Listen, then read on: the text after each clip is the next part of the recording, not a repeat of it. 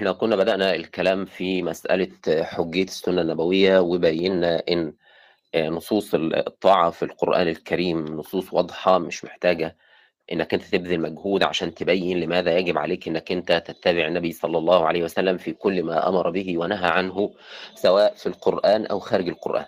وإن المطالب بالدليل هو المقيد يعني الشخص اللي بيقول هم بيردوا على آيات الطاعة يا جماعة وآيات الاتباع والآيات الكتيرة اللي إحنا بنتكلم فيها دي ومن يطع الله ورسوله يدخله جنات آه، اتبعوا المرسلين إلا لنعلم من يتبع الرسول آه، قل إن كنتم تحبون الله فاتبعوني يحببكم الله ولا يحرمون ما حرم الله ورسوله آه، فلا وربك لا يؤمنون حتى يحكموك فيما شجر بينهم ثم لا يجدوا في أنفسهم حرج مما قضيت وإذا قيل لهم تعالوا إلى ما أنزل الله وإلى الرسول.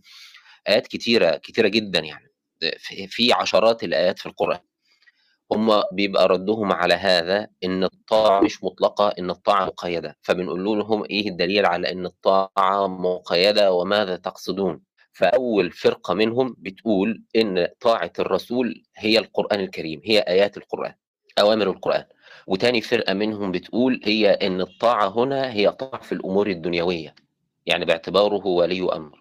والفرقة الثالثه بتقول انه طاعة الرسول آه، في الأركان العملية. هم دول الثلاث ردود بتاع بتوعهم. فإحنا بنقول لهم ما الدليل على هذا؟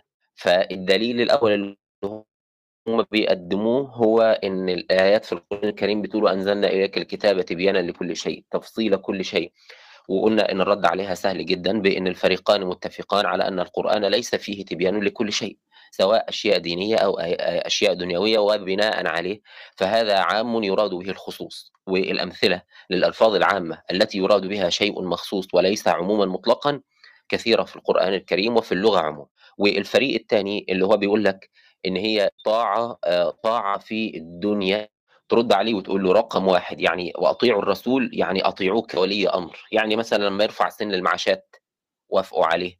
مثلا لما آه، يحط قانون جديد مثلا لازم تسمع كلامه وفاهم إن هو زيه زي رؤساء الجمهورية مش أكتر من كده يعني. فأول ما يرد به على المقيدين الطاعة بالدنيويات نقول لهم ما دليلكم على ذلك أصلا؟ أين دليل هذا التقييد؟ فدليل التقييد وعليكم السلام ورحمة الله وبركاته. حياك الله حياك الله. كل سنة وانت طيب. كل سنة وأنت طيب. رمضان كريم عليك يا حبيبي. الله يخليك يا دكتور الصوت واضح ولا بيقطع؟ واضح واضح يا دكتور انت طيب يعني. علينا وعليك. طيب الله يحفظك آه، فأول ما يقال لهم للقائلين بأن الطاعة الطاعة طاعة في أمور الدنيا وليست في أمور الدين إن أن يقال لهم ما دليلكم على ذلك؟ هاتوا لنا الدليل على هذا التقييد. فالدليل اللي بيقدموه اللي هي آيات التحكم هي آيات التحاكم اللي هي الآيات اللي بتقول آه، فلا وربك لا يؤمنون حتى يحكموك فيما شجر بينهم ثم لا يجدوا في أنفسهم حرجا مما قضيت ويسلموا تسليما. فلما كان التحاكم هو تحاكم في شجارات دنيوية دل على أن الطاعة لرسول الله يقصد بها الطاعة في الدنيويات. الرد على كده أول حاجة آه، إن سلمنا جدلا بأن آيات التحاكم يقصد بها يقصد بها المسائل الدنيوية. آه، لماذا هذه الآيات؟ آيات التحاكم قيدت آيات الطاعة. أطيعوا الله وأطيعوا الرسول في مطلق ما أمر به لا قرآنيه فقط ولا دنيويه فقط. وإذا تحاكمتم إليه في الدنيويات فقضى فسلموا. فينفع نجمع ما بين الاثنين فالأولى مش مقيدة مش مقيدة للأخرى. إيه، التقييد بيبقى مثلا زي الآية اللي هي بتقول يا أيها الذين آمنوا لا تدخلوا بيوتا غير بيوتكم حتى تستأنسوا وتسلموا على أهلها. هنا أنت منهي عن أنك أنت تدخل أي بيت بدون استئذان. بعد كده في آية بعدها بشوية بتقول ليس عليكم جناح أن تدخلوا بيوتا غير مسكونة فيها متاع لكم. المصالح الحكومية. فهنا ما تقدرش تجمع ما بينهم غير بالتقييد. إنك أنت تقول ما تخشش بيت غير لما تسلم اللهم إلا لو كان البيت ده آه، بيت آه، مصلحة حكومية لك فيها مصلحة متاع يعني وما ما فيهوش سكان إنما في وظيفة مثلا فينفع تخشوا من غير استئذان. هنا أمكن الجمع بينهم بطريقة إلا فتعرف إن هذه مقيدة لهذا. إنما هناك تقدر تجمع ما بينهم بدون إلا.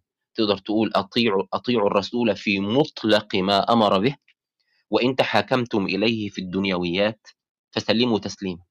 فهذه ليست مقيدة لها فبقى ده أول رد. افتكر ده كويس. آه، تاني رد تقول له إن أنت إن النبي هيحكم بينهم في أمور دنياهم بالدين. هو مش هيحكم بينهم في أمور دنياهم بغير الدين. لتحكم بين الناس بما أراك الله. فالله أخبر أنه سيحكم بيننا بما أراه الله بمطلق ما أراه الله لا بقرآنيه فقط ولا بدنيويه فقط. فلماذا قيدتموها؟ فإحنا مأمورين بإن إحنا نسلم بمطلق ما أرى الله نبيه. وأن يحكم بينهم بما أنزل الله. فهنا أوجب عليه أن يحكم بمطلق ما أنزله الله لا بقرآنيه فقط وبناء عليه. فلو تحاكم إليه اثنان في نزاع دنيوي من مسائل المال أو الدماء أو العرض آه، فسوف يحكم بينهم بما أنزل الله. فالشريعة أصلا ما هي إلا أحكام دينية لتنظيم الدنيويات لحفظ المال والعقل والنفس والعرض والدين. فكون النزاع دنيوي لا يعني أن القاضي حين يحكم بينهم لن يحكم بديني بل ي... بل هو ملزم بأن يحكم بينهم بما أنزل الله وأن يت... وأن يحذرهم أن يفتنوه عن بعض ما أنزل الله. وبناء عليه فآيات الحكم غير مقيدة لآيات الطاعة بل آيات الحكم أصلا آه، أخبرت أن مطلق ما أنزل الله يحكم به رسول الله بيننا. وأن مطلق ما أراه الله سيحكم به بيننا ولم يقيده حتى بالقرآن. الرد الثالث اللي هترد بيه على من قالوا أن طاعة النبي صلى الله عليه وسلم هي طاعة في الدنيا في أمور الدنيا بس مش أمور الدين. قل له أولا لفظة رسول تفيد رجلا مرسلا برسالة من الله فأول ما تطيعه فيها آه، تطيعه هو أن تطيعه فيها ورسالته من الله رسالة دينية. بمعنى لما قالوا أطيعوا الله وأطيعوا الرسول وأولي الأمر منكم. لماذا طاعة الله مميزة؟ لماذا لا نقول أو حتى وأطيعوا الله ورسوله؟ لماذا لا نقول أن طاعة الله من جنس طاعة رسوله؟ فنطيع الله باعتباره ولي أمر. بس مش أكتر من كده? لماذا؟ هتقولي لا طاعة الله مميزة ومن نوع آخر. هقول لك أذكر العلة. فما من علة ستتعلل بها. لاعتبار طاعة الله مميزة وهي من نوع آخر غير طاعة أولي الأمر إلا وأمكنني استعمالها في إثبات أنه أيضا طاعة رسول الله طاعة مميزة من نوع آخر غير طاعة أولي الأمر. ولن تجد طريقا للجواب عن ذلك إلا استعمال لفظة الله. الله هو الإله المعبود بالحق اللي أنت يجب أن أنت تتبعه وهذا هو عين ما أحتج به في أول احتجاجي أن لفظة الرسول لفظة تفيد رجلا مرسلا برسالة لازمة للمكلفين. فلما تقول لي كولي أمر كأنك نزعت منه حيثيات الرسالة. آه، الثاني أن الله آه، يعني آه، الله عز وجل أم- أمر رسوله وأن أن يقول للأميين وأهل الكتاب بأن يعتنقوا الإسلام اللي هي الآية اللي بتقول وقل للذين أوتوا الكتاب والأميين أأسلمتم فإن أسلموا فقد اهتدوا. وقبلها بيقول وقل آه، فقل أسلمت أسلمت وجهي لله ومن اتبعن وقل للذين أوتوا الكتاب والأميين أأسلمتم؟ فإن أسلموا فقد اهتدوا وإن تولوا فإنما آه، عليك البلاغ. هنا أمر آه، الأميين وقل يعني قل يا محمد للأميين ولأهل الكتاب. أمر الأميين وأهل الكتاب أن يسلموا وأن يشهدوا أن لا إله إلا الله. في بداية ال- الآية اللي قبلها برضو شهد الله أنه لا إله إلا هو. فأمرهم أن يشهدوا بأن لا إله إلا الله وأن يسلموا وإن تولوا عن ذلك. وحاجوك فقل. أسلمت وجهي لله ومن اتبعن الآن آه، الذين اتبعوه اتبعوه في عين ما أمر به آه، الأميين وأهل الكتاب أم في الأمور الدنيوية فقط إن قلت في الأمور الدنيوية فقط فقد جعلت الإسلام لغير المهاجرين والأنصار والمسلمين فلم يبق لك إلا أن تقول اتبعوه في ذلك والسياق من المقيدات. دل هذا على أن رسول الله يتبع في الإسلام. وق- وقل للذين أوتوا الكتاب والأميين أأسلمتم؟ هم مأمورون باتباعه في ال- الإسلام. خلينا ناخد كده نصوص الطاعة ومن ومن ضمنها هنوضح إزاي إن هي بتدل على الطاعة في الدين واحدة واحدة يعني.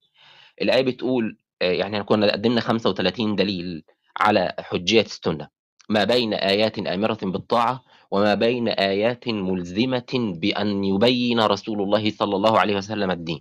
الدليل 36 من يطع الرسول فقد أطاع الله ومن تولى فما أرسلناك عليهم حفيظا. الآن هل آه، آه، إحنا كلنا قابلين هذا من يطع الرسول فقد أطاع الله. حلو كده؟ طيب هل ينفع نعكس الآية؟ يعني ينفع نقول من يطع الله فقد أطاع الرسول حياك الله يا خبرلين كل عام وانت بخير يا تحياتي يا دكتورة هالة. السلام عليكم. تحياتي يا دكتور. وعليكم السلام. كل سنة وانت طيبة وكل سنة والإخوة جميعا طيبين. رب بألف خير طيب. بصحة آه، ركزوا ركزوا معايا في الدليل ده لأنه هو محتاج شوية تركيز. الآية بتقول من يطع الرسول فقد أطاع الله هل ينفع إن إحنا نعكس الآية؟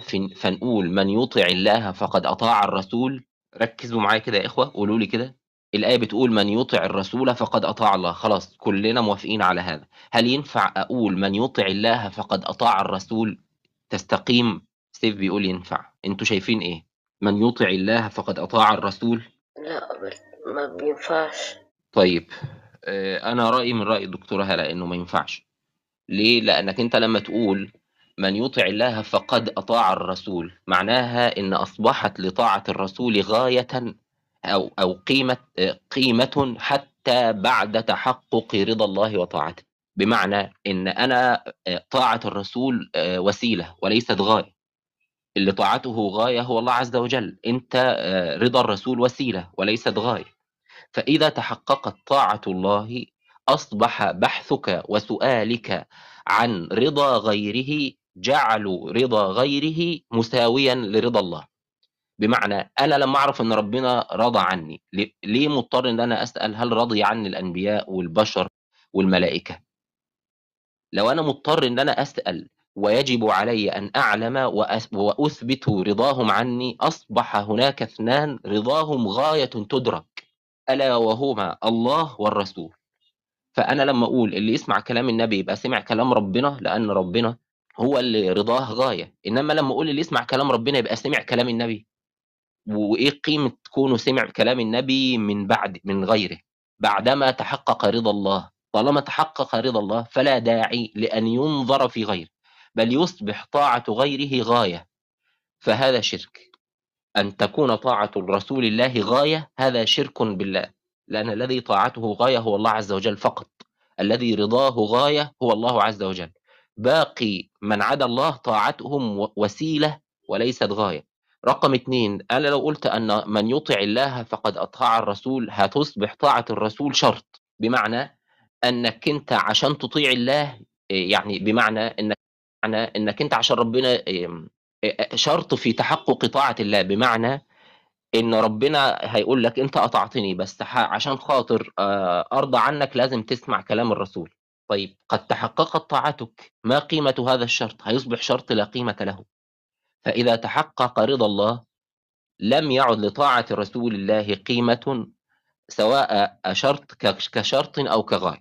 وبناء عليه يحرم أن نقول من يطع الله فقد أطاع الرسول. وبناء عليه ترجم بقى ترجم كلمة يطع إلى معناها. وبناء عليه يحرم إن أنا أقول ما أمر به الله فقد أمر به الرسول. يعني ينفع أقول اللي وزير الخارجية بيقوله رئيس الجمهورية بيقوله لكن ما ينفعش أقول اللي رئيس الجمهورية بيقوله هو نفس اللي وزير الخارجية بيقوله أو, أو أقول اللي يسمع كلام رئيس الجمهورية يبقى كده سمع كلام وزير الخارجية هو إيه لازمة وزير الخارجية طالما رئيس الجمهورية وافق؟ خلاص. فما ينفعش أقول من يطع أوامر الله فقد أطاع أوامر الرسول لكن ينفع العكس من أطاع أوامر الرسول فقد أطاع أوامر الله. وبناء عليه ما ينفعش أقول من نفذ أوامر القرآن فقد نفذ أوامر الرسول. لأن آه، أوامر القرآن هي أوامر الله. فهمتوا كده؟ فعبارة إن أوامر الرسول هي أوامر القرآن الكريم آسف أوامر القرآن الكريم هي أوامر الرسول هذه شرك. ليه؟ لأن بتجعل آه، طاعة القرآن هي طاعة الرسول وبتجعل بذلك أن طاعة الله هي طاعة الرسول. ولا حاجة لطاعة الرسول بعد تحقق طاعة الله إن تحققت. فينفع تقول أن طاعة الرسول هي طاعة القرآن وطاعة الرسول هي طاعة الله لكن ليست طاعة الله هي طاعة للرسول. وبناء عليه اللي يحتج عليك ويقول لك إن أطيعوا الرسول معناها نفذوا القرآن قل له ده معناه إنك أنت جعلت أوامر القرآن هي أوامر الرسول وهذا يعني أن أوامر الله هي أوامر الرسول.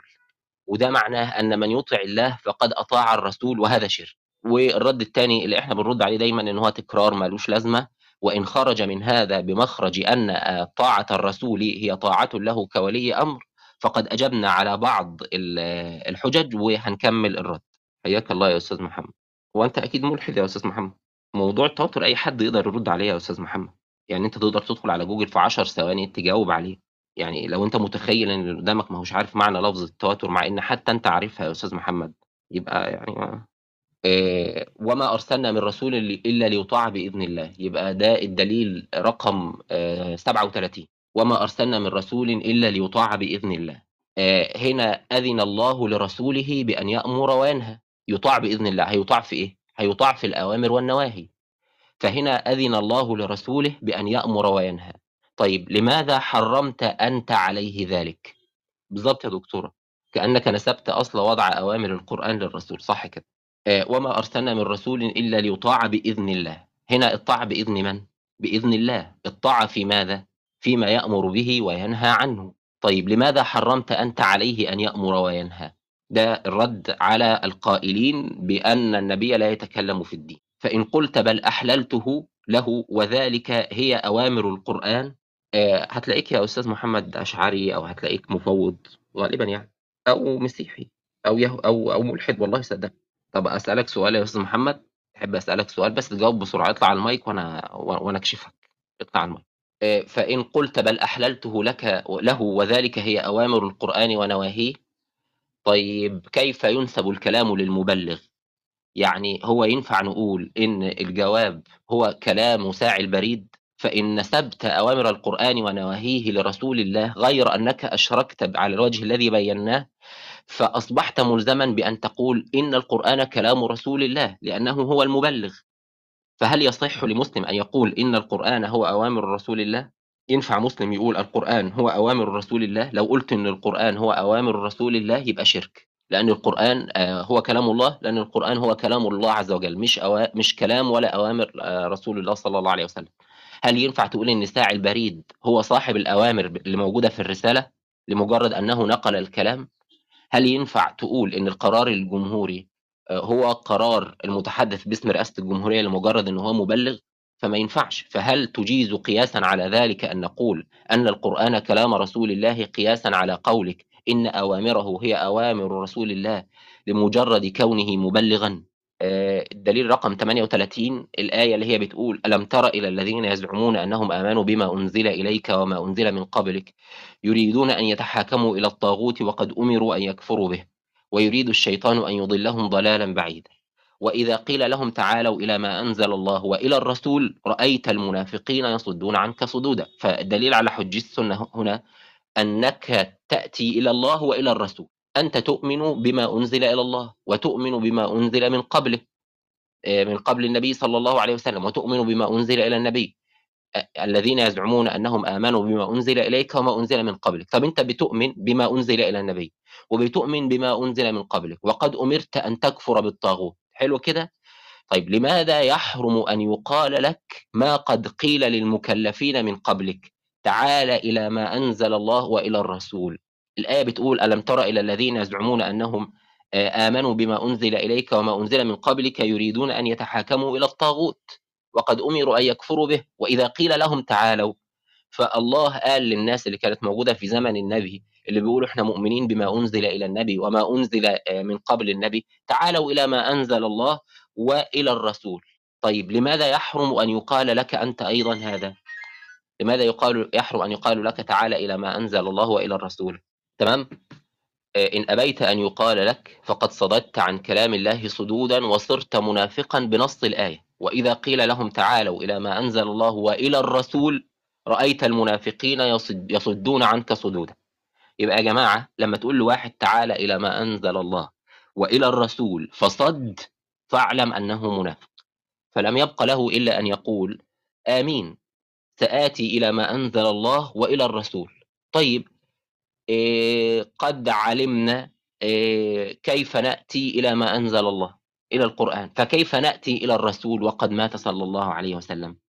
كيف سنأتي إلى الرسول وقد مات صلى الله عليه وسلم؟ فإن قلت هذا مخصوص بالسابقين آه، قلنا ما دليل التخصيص؟ لا يوجد دليل على التخصيص. لا يوجد دليل على التخصيص. بالضبط كده اللجوء لسنته. فما دليل التخصيص؟ ما فيش دليل على التخصيص. لماذا أنت تزعم أن هذا فقط مخاطب به السابقون ولسنا نحن مخاطبين به؟ ما فيش. ثم إن الله عز وجل أخبر أن من آه، رفض هذه الدعوة فهو منافق. فإحنا كل اللي بن- بنطلبه تعالوا إلى ما أنزل الله وإلى الرسول. بس.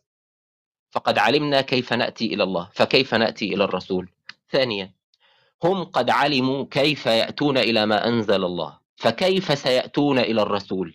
كل من يزعم أنه آمن بما أنزل إلى الله وإلى الرسول هو مطالب بأن آه، آه، آه، كل من يزعم أنه آمن بما أنزل إلى النبي وما أنزل من قبل النبي مخاطب بباقي الآية ولا غير مخاطب؟ طيب أنت يا أبو ياسر تزعم أنك مؤمن ولا بتلزمنا بأنك مؤمن؟ هذه قرينة الإيمان. كل من يزعم أنه مؤمن وكل من ادعى أنه مؤمن نرى ماذا سيصنع إذا قيل له تعالى إلى ما أنزل الله وإلى الرسول. الآن الآية اللي بتقول ألم تر إلى الذين يزعمون أنهم آمنوا؟ لما أخرجت نفسك منها؟ أوليس لكل شيء أمارة؟ إن كنت مؤمنا غير زاعم فتعال إلى ما أنزل الله وإلى الرسول. وكأنك تقول لا يختبر إلا الزاعمين. الذين ماتوا. لا فهذا السياق يدل على أن كل من يزعم أنه آمن بما أنزل إلى الله وأنزل إلى الرسول وما أنزل من قبل الرسول فهو سيختبر. فإن أجاب فبها ونعمت وإن صد كان منافقا. ثانيا اللي هم موجودين في زمنه. إذا كيف سيأتون إلى ما أنزل الله؟ قد علمنا كيف سيأتون إلى ما أنزل الله لكن كيف سيأتون إلى الرسول. ليحكم بينهم. قد علمنا أنهم سيأتون إلى ما أنزل الله عن طريق أن يقرأ عليهم رسول الله القرآن. سيتحاكمون إلى ما أنزل الله عن طريق أن رسول الله سيبلغهم بما في القرآن. طيب ما آه، آه، لما كيف سيأتون إلى رسول الله فيتحاكم بينهم؟ فيحكم بينهم. يبقى إذا قيل لهم تعالوا إلى ما أنزل الله كيف سيتحاكموا إلى ما أنزل الله بدلا من أن يتحاكموا إلى الطاغوت؟ عن طريق أن يقرأ عليهم رسول الله القرآن ويبلغهم بما فيه. طيب كيف سيتحاكموا إلى الرسول؟ هتقول لي برضو عن طريق أن هو يقرأ عليهم القرآن؟ هقول لك قد ذكرها منذ قليل فيصبح قوله وإلى الرسول تحصيل حاصل يتنزه عنه الفصيح الحكيم. يبقى لماذا قيل لهم تعالوا إلى الرسول ليحكم بينهم؟ طيب قد حصل ذلك بقوله تعالوا إلى ما أنزل الله فما وجه ذكر الرسول بعدها؟ وقد علم الكل أن الدعوة آه، إلى ما أنزل الله. هي لازمها التحاكم بما أنزل الله. ولا خير من رسول الله صلى الله عليه وسلم ليحكم بينهم بالقرآن ويقرأه عليهم. يبقى الدعوة الأولى تعالوا إلى ما أنزل الله هي مشتملة بالضرورة على التحاكم لرسول الله بدلالة اللزوم. إذ ما لا يتم الواجب إلا به فهو واجب. بالضبط كده حشو لغوي. فقوله تعالوا إلى ما أنزل الله استلزمت بالضرورة أن يقعد رسول الله ويقرأ عليهم القرآن ويبلغهم بما فيه. فما الداعي إلى قوله بعدها وإلى الرسول؟ فإن قلت يقعد يبلغهم بما فيه قلنا قد تحقق هذا بقوله إلى ما أنزل الله بدلالة اللزوم. فلم يبقى أن يكون قوله وإلى الرسول إلا أن يكون شيئا زائدا على التحاكم إلى ما أنزل الله. دل هذا على أن المسلمين يومئذ ومدعي الإسلام يومئذ كانوا ملزمين بأن يتحاكموا إلى كتاب الله وإلى سنة رسول الله. وبما أن الدين ورسول الله قد جاء إلى الناس كافة دل هذا على أن الكل ملزم إلى عين ما كان ملزم ملزم به المكلفون الأوائل. فإن قلت يستثنى المكلفون الأوائل قلنا ما علة التخصيص. فإن قلت السياق قلنا السياق عام. الذين يزعمون آه، العبرة بعموم اللفظ لا بخصوص. الدليل 39 آه، ركزوا في الدليل ده. يا أيها الذين آمنوا أطيعوا الله وأطيعوا الرسول وأولي الأمر منكم. فإن تنازعتم في شيء فردوه إلى الله والرسول. إن كنتم تؤمنون بالله واليوم الآخر آه، العبرة بعموم اللفظ يا أستاذ ياسر. الذين يزعمون أنهم آمنوا بما أنزل إلى النبي مطالبين بالتحاكم إلى الله وإلى ما أنزل رسول الله. وإلا لو أنت اعتبرت أن العبرة بخصوص السبب خلاص. القرآن بيقول يا أيها الذين آمنوا آه، لما تقولون ما لا تفعلون؟ لما تقولون لما آه، سؤال عن ماض وبالتالي هي تتكلم عن شيء قد حدث. فالآن يصبح يا أيها الذين آمنوا لما تقولون ما لا تفعلون؟ كبر مقتا عند الله أن تقولوا آه، ما ما كبر مقتا عند الله أن تقولوا ما لا تفعلون إن هي مخصوصة بزمن معين. لكن كان العبرة بعموم اللفظ. يا أيها الذين آمنوا.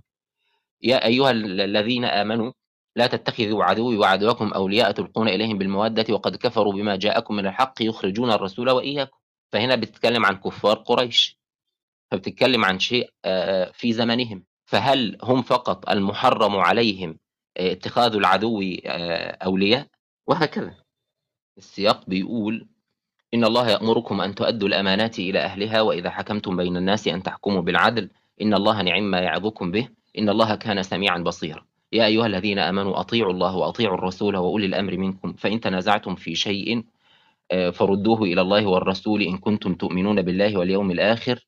خلينا نجيبها من آه، ده السياق اللي بعد خلينا نجيب من السياق اللي قبلها عشان يبقى إيه؟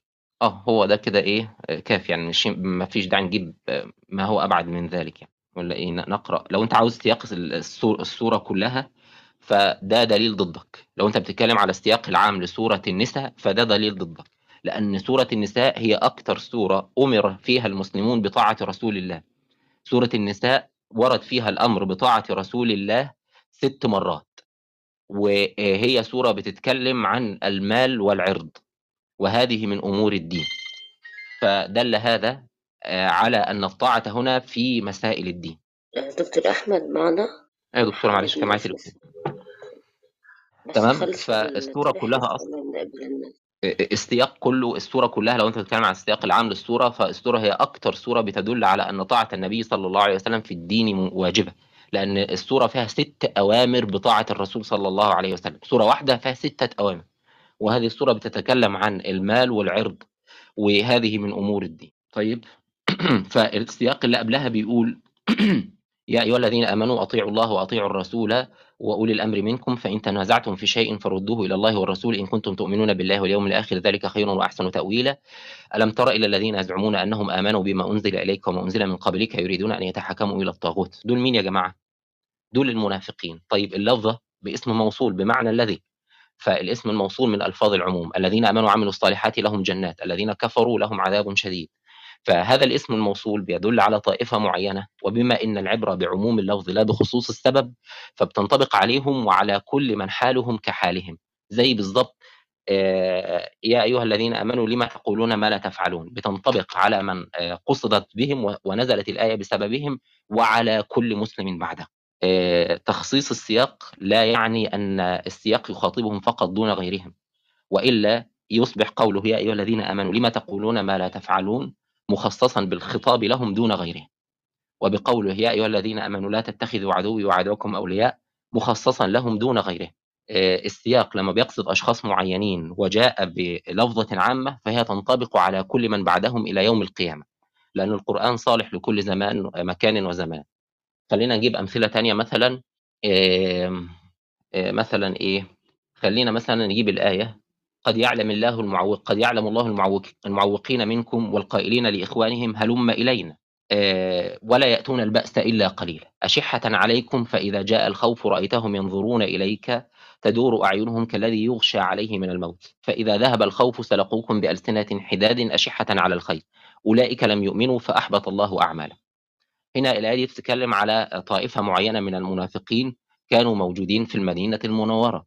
عوقوا الإسلام وقليل الجهاد وألسنتهم حداد والخوف في أعينهم باد.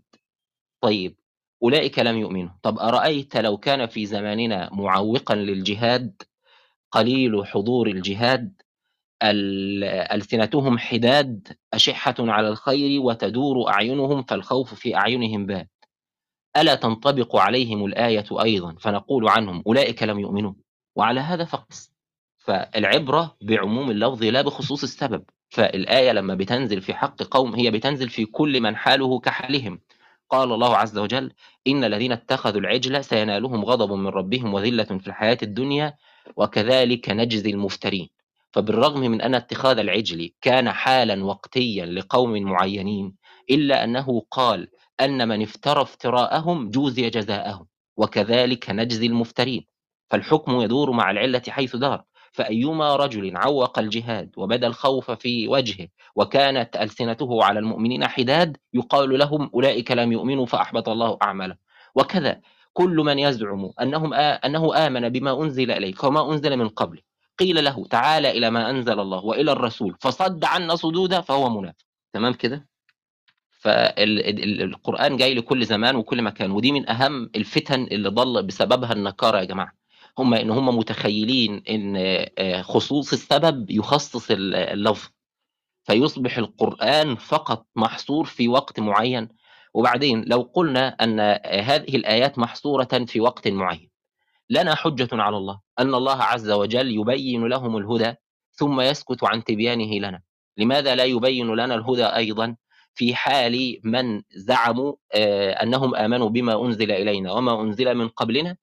ثم قيل لهم تعالوا إلى ما أنزل الله وصدوا صدودا لماذا من فعل هذا في زمنهم كان لزاما على الله أن يبين لهم حكمه الشرعي ثم سكت عن تبيانه لنا. ونحن مكلفون مثلهم وفي زماننا من حالهم كحالهم. طبقها بقى في كل حاجة تمام؟ آه فده السياق اللي قبلها. السياق اللي بعدها وإذا قيل لهم تعالوا إلى ما أنزل الله وإلى الرسول رأيت المنافقين يصدون عنك صدودا فكيف إذا أصابتهم مصيبة بما قدمت أيديهم ثم جاءوك يحلفون بالله إن أردنا إلا إحسانا وتوفيقا؟ أولئك الذين يعلم الله ما في قلوبهم فأعرض عنهم وعظهم وقل لهم في أنفسهم قولا بليغا وما أرسلنا من رسول إلا ليطاع بإذن الله. فالسياق كله بيؤكد على وجوب طاعة النبي. آه، أقصى فتنتك في أنك ظننت أن ما وقع في زمن النبي لا يقاس عليه وهذا اتهام لله بالظلم على الوجه الذي بيناه بأن يقال أرأيت أن لو قد حصل في زمننا عين ما حصل في زمنه لماذا يسكت الله عن بيان ذلك لنا وقد بينه لهم؟ آه، فدي أول نقطة في آه، هذه الآية.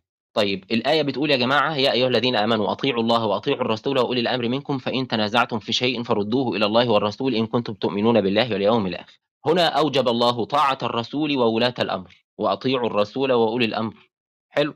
لو كانت طاعة الرسول من جنس طاعة أولي الأمر لما كان لتخصيصه حاجة. يعني لماذا يقول وأطيعوا الرسول وأولي الأمر منكم؟ لماذا لم يقل وأطيعوا الله وأطيعوا أولي الأمر منكم وما رسول الله إلا ولي أمر؟ ال- النكارة يا جماعة بيقولوا إن النبي فقط ولي أمر. يعني النبي فقط رئيس جمهورية. يرفع سن التقاعد يزود المعاشات يعوم الجنيه يقول لك يغير قانون المرور لكن هو مش أكتر من آه، رئيس جمهورية.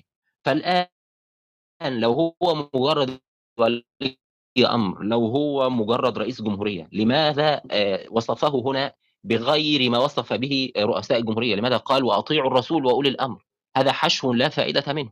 كان ينبغي أن يكتفي ويقول وأطيعوا أولي الأمر منكم لماذا خصصه باسمه؟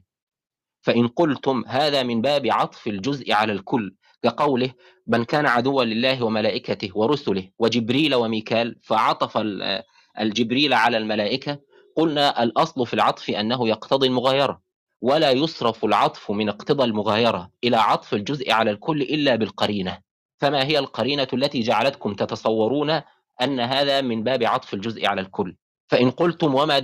ولا جواب لهم عن ذلك يا جماعة فإن قالوا وما قرينتكم أنتم أو دليلكم على أن اقتضى المغايرة هو أصل العطف إن الأصل في العطف هو اقتضاء المغايرة.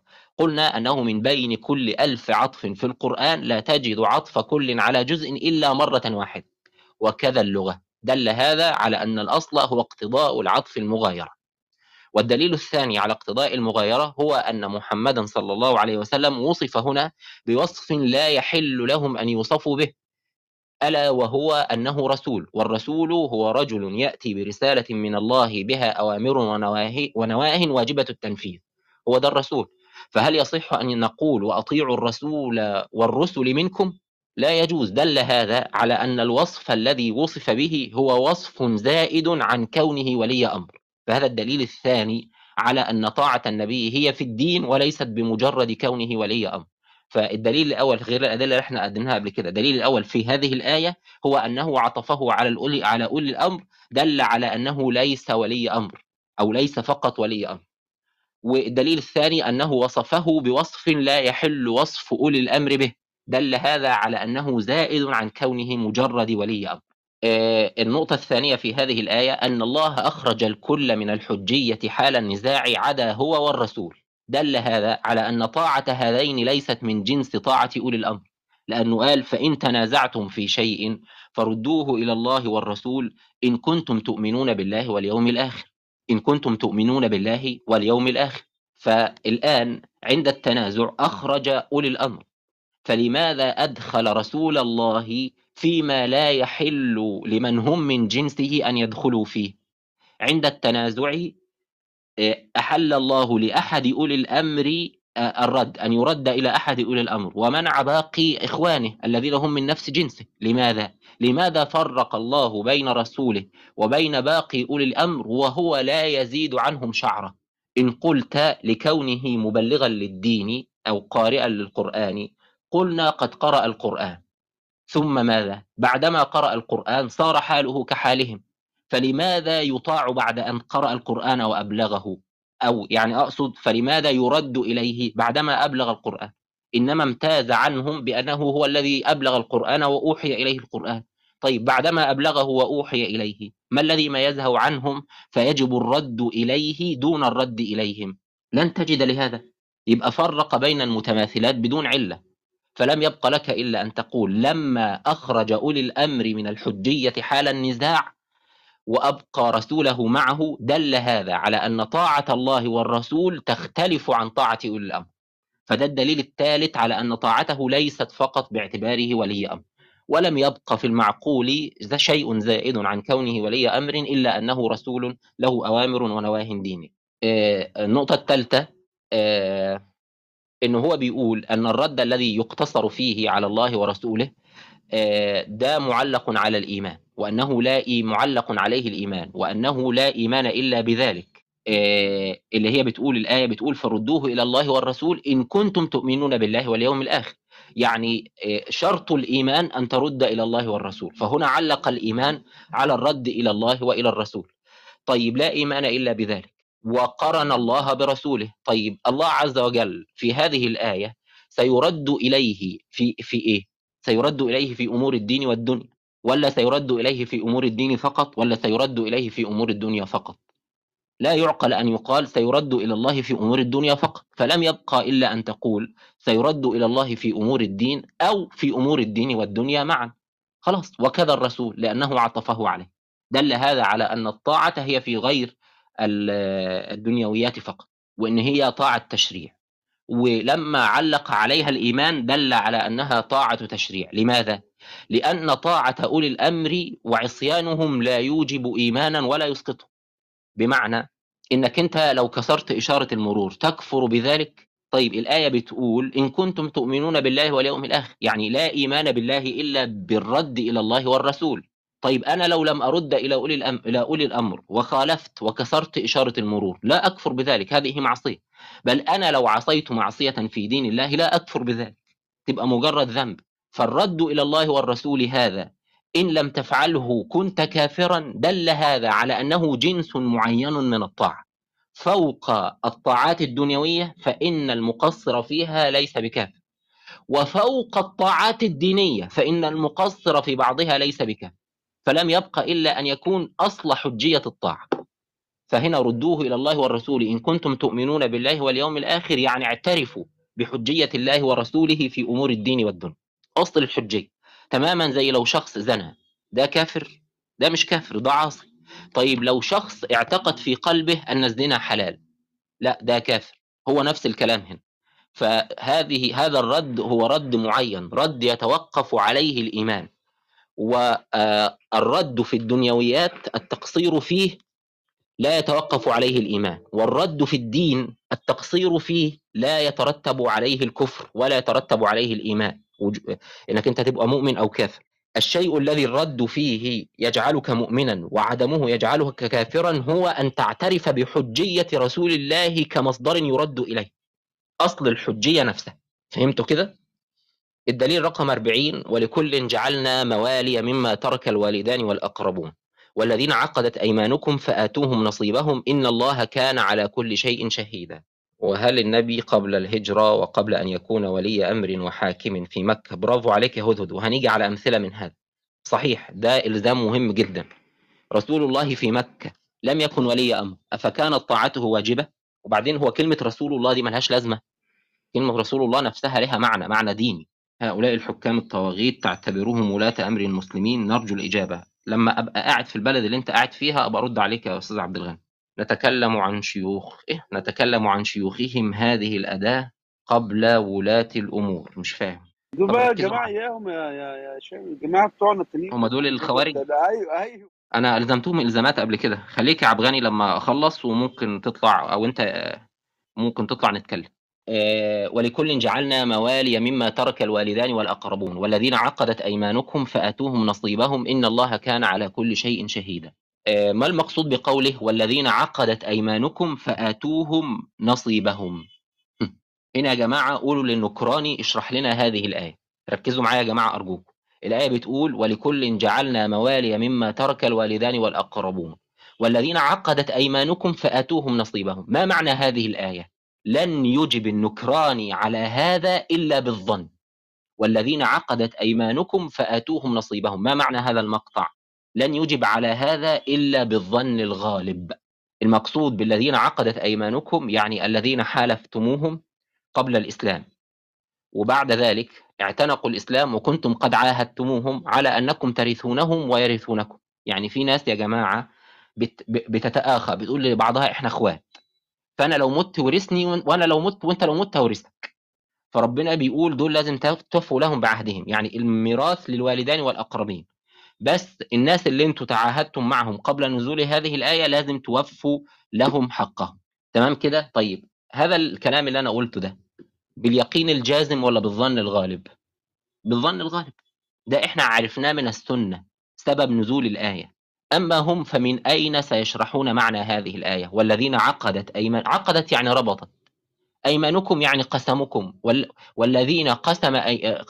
والذين أقسمتم لهم آتوهم نصيبهم. ما معناها؟ بس باليقين, باليقين لا بالظن الغالب. فإن أجاب أجاب بالظن الغالب وهو بيحرم علينا خبر الواحد الثقة باعتبار أنه ظن غالب. وإحنا قلنا قبل كده إن السنة كلها تحولت لإجماع لأن كل السنة تحولت لممارسة عملية فمش ظن ما فيش ظن فيه. لكن وليكن خلاص ظن غالب أنا موافق. أنت الآن إن أجبت لم تجب إلا بالظن الغالب. وأوجبت على نفسك ما حرمته على رسول الله صلى الله عليه وسلم ألا وهو البيان. فلماذا يجب عليك أن تبين ويحرم على رسول الله؟ الدليل 41 وحلائل أبنائكم الذين من أصلابكم. حلو. وحلائل أبنائكم الذين من أصلابكم. اللي هي حرمت عليكم أمهاتكم وبناتكم وأخواتكم وعماتكم وخل... كذا كذا كذا وحرمت عليكم وحلائل أبنائكم الذين من أصلابكم. طيب حلائل أبنائكم الذين دخلوا بهن ولا الذين لم يدخلوا بهن؟ يعني مرات ابنك اللي ابنك دخل بها ولا اللي ابنك فقط عقد عليها وطلقها دون قبل الدخول؟ دخلوا بهن أم لم يدخلوا بهن؟ أي إجابة؟ فقد أوجبت البيان وحرمته على رسول الله. يعني لو قلت لي والله يقصد بها الجميع دخلوا بهن أو لم يدخلوا بهن؟ والله يقصد بها دخلوا بهن والله يقصد بها لم يدخلوا بهن. أنت الآن اعتبرت ضرورة الإجابة. وطالما اعتبرت ضرورة الإجابة فقد اعتقدت بضرورة البيان. وطالما اعتقدت بضرورة البيان فلماذا حرمته على رسول الله وقد أمر بالبيان؟ وأنزلنا إليك الذكر لتبين. فدي يا جماعة بتندرج تحت باب ضرورة بيان القرآن. فإن حرمته على رسول الله فحرمه على نفسك قال الله عز وجل لقد كان لكم في رسول الله أسوة حسنة. فلا يخلو. إما أن رسول الله يبين هذا هذه الأمور أو أنه كان يسكت. لو كان يبين هذه الأمور فهذه هي السنة. ولا مناص لمعرفتك إياها إلا بخبر الواحد الثقة. وإن قلت كان يسكت فاسكت كما سكت. لقد كان لكم في رسول الله أسوة حسنة. فلماذا أوجبت على نفسك ما حرمته على رسول الله؟ فإن قلت رسول الله بيانه مهم لهم وغير مهم لنا قلنا كلام رسول الله في الدين غير مهم لنا وكلامك أنت في الدين مهم لنا. طالما كلام النبي ما يلزمناش يبقى أنت كلامك كمان ما يلزمناش. فسيلزم نفسه بأنه لا يحل عليه البيان وأن كلامه لا قيمة له. يا عبد الغني لو كتبت تاني أنا هطردك. ما تشتتش الكلام بتاع الغرفة. لو أنت شخص خايف على الدين يا عبد الغني كنت تساعدنا في الرد على منكر السنة وأنت شايف الغرفة مفتوحة للرد على منكر السنة. وكأنك أنت بتعطل الرد على منكر السنة كأنك أنت بتقول إن وجدت احدا يقيم الحجة على منكر السنة سأعطلهم وسأشتتهم لو أنت فعلا بتحب بتحب النبي وبتحب الشريعة وبتحب السنة كان ينبغي أن تختار. وقت المعركة مش لما تبقى في معركة دائرة على على النكارة لقطع دابرهم تعينهم. بطعن المسلمين في ظهوره لا يبقى أنت مثلهم ففين الغيرة على حجية السنة إن كنت من الصادقين؟ شفتوا يا جماعة لما أنا بقول لحضراتكم إن الفرق التانية ما هيش إخوة لنا. الفرق التانية حاطة في بالها الخلاف اللي ما بيننا فوق قدام يا عينيها آه ما همش إخوة لنا. خدوا بالكم من هذا الأمر. أنا فاكر يوم ما أنت قلت بقى الدين ده الواحد يشتمهم اللي هم شايفيننا كفار أصلا. هم شايفيننا يرون إن إحنا كفار وخوارج يعني فهم خلاص يعني بالضرورة إن إحنا شايفينهم كده. لو انت فاكر يوم ما قلت آه لا بس أنا بتكلم على الفرق عموما سواء الخوارج سواء الأشاعرة سواء المعتزلة سواء النكاره سواء المفوضة. كل الفرق عموما يعني. شوف يا. دكتور سيبك سيبك من هو هذا أصلا اكونت جديد شكله داخل خليه يطلع يعني عزت يعني خايف على الدين كده وبتاع. ما يطلع كده يتكلم بصوت ولا بتاع ولا يعني بدل ما هو تحت. وتنبيه برضو للي بالشات لو أنت أشعري يا عن هنتر فأنت عدو لنا يا عم.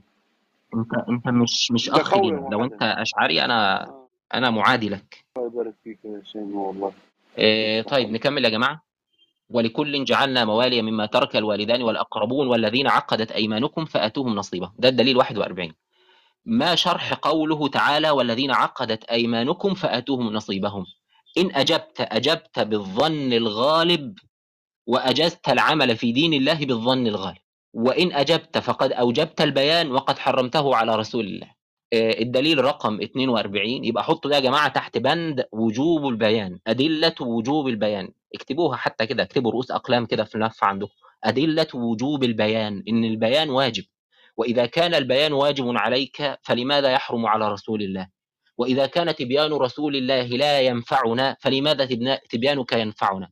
الدليل إيه؟ 41 42 وحلائل أبنائكم الذين من أصلابكم.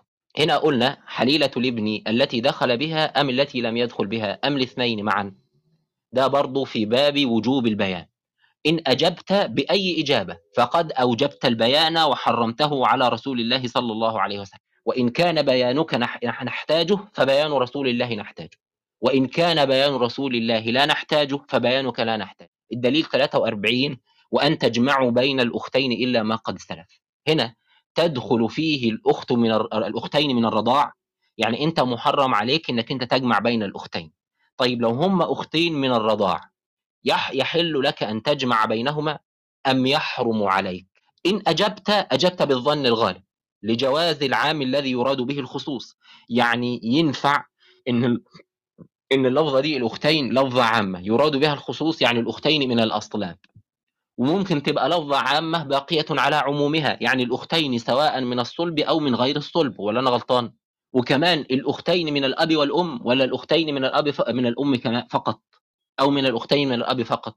فأنت ما كان لك لتجيب على هذا إلا بالظن الغالب. يا جماعة ركزوا معنا ركزوا معنا يا جماعة أرجوكم. فإن أجبت أجبت بالظن الغالب واتهم لسانك آه، لسان حالك آه، رسول الله صلى الله عليه وسلم بالتقصير في البيان. في بيان ما لا يقوم التشريع بغير بيانه. وهنا يا جماعة ده رد على الناس اللي هي بتقول أنه لا يحل التشريع بالظن الغالب. أنتوا عارفين يعني إيه الظن الغالب يا جماعة؟ الظن الغالب إنك أنت لما بتحب تروح لدكتور مش أنت بتختار أحسن دكتور؟ هتعمل عملية مثلا. مش أنت بتختار أحسن دكتور؟ عاوز تسافر بتختار أفضل شركة نقل؟ هو ده. طيب الدكتور اللي هو أفضل دكتور ومجدي يعقوب فيه احتمالية إن هو يخطئ في العملية ولا ده مستحيل؟ لا في احتمالية إن هو يخطئ في العملية ومع ذلك أنت بتسلم روحك له فأنت عملت هنا بالظن الغالب فأنت بتعمل بالظن الغالب في كل شيء ابتداء من روحك اللي هي أغلى حاجة فما دون ذلك يعني الروح أغلى من الدين. فإن قال قائل إن الدين أغلى بدليل أننا نقاتل في سبيل الله ونقدم أرواحنا في الجهاد نقول أنت لم تقدم روحك في الجهاد إلا لتنعم روحك بعد موتك وتنجو من العذاب. فروحك هي أغلى ما عندك. فأنت بتعمل بالظن الغالب في أغلى شيء اللي هو الروح والمال والعرض وفي كل حاجة. وبناء عليه فالعمل بالظن الغالب هو إنك أنت بتيجي على أفضل واحد في الموضوع إنك تجيب راوي ثقة. أمين. وتأكدنا من إن هو ثقة. وتأكدنا من إن هو عدل ضابط. بعد ذلك بتأخذ منه. هو يقول لك ده ده لا يصح. ولا يصح أن يشرع في دين الله بنقل الواحد العدل الثقة. إحنا عندنا ردين على هذا. الرد الأول إن ما عادش فيه تشريع بالظن الغالب لأن كل الشرائع اللي عندنا اتحولت لإجماع عبر الزمن. ثم حتى لو بقي منها ما لم يتحول لإجماع زمني وفقد الإجماع وصار ظنا غالبا فيجوز العمل بالظن الغالب. من ضمن الأدلة على العمل بالظن الغالب ركزوا بقى يا جماعة هل يجوز التشريع بالظن الغالب؟ إحنا بنقول بالرغم من أنه لا يوجد عندنا تشريع بالظن الغالب أو يكاد إلا أنه يجوز. من ضمن الأدلة على أنه يجوز يا جماعة هذه الأدلة. فلما يجي واحد يقول لك هو ما ينفعش التشريع بالظن الغائب افتكر الردود دي. حجية خبر الواحد افتكر الردود دي. حلائل أبنائكم الذين من أصلابكم. ستحدد الحليلة هنا بالظن الغالب. هل هي الحليلة آه التي دخل بها أم التي لم يدخل بها؟ هنا ظن في أصل التشريع مش في تطبيقه. فهمتوا كده؟ وأن تجمعوا بين الأختين. الأخت هنا الأخت من الرضاع الأختين من الرضاع ولا الأختين من الصلب ولا الاثنين معا؟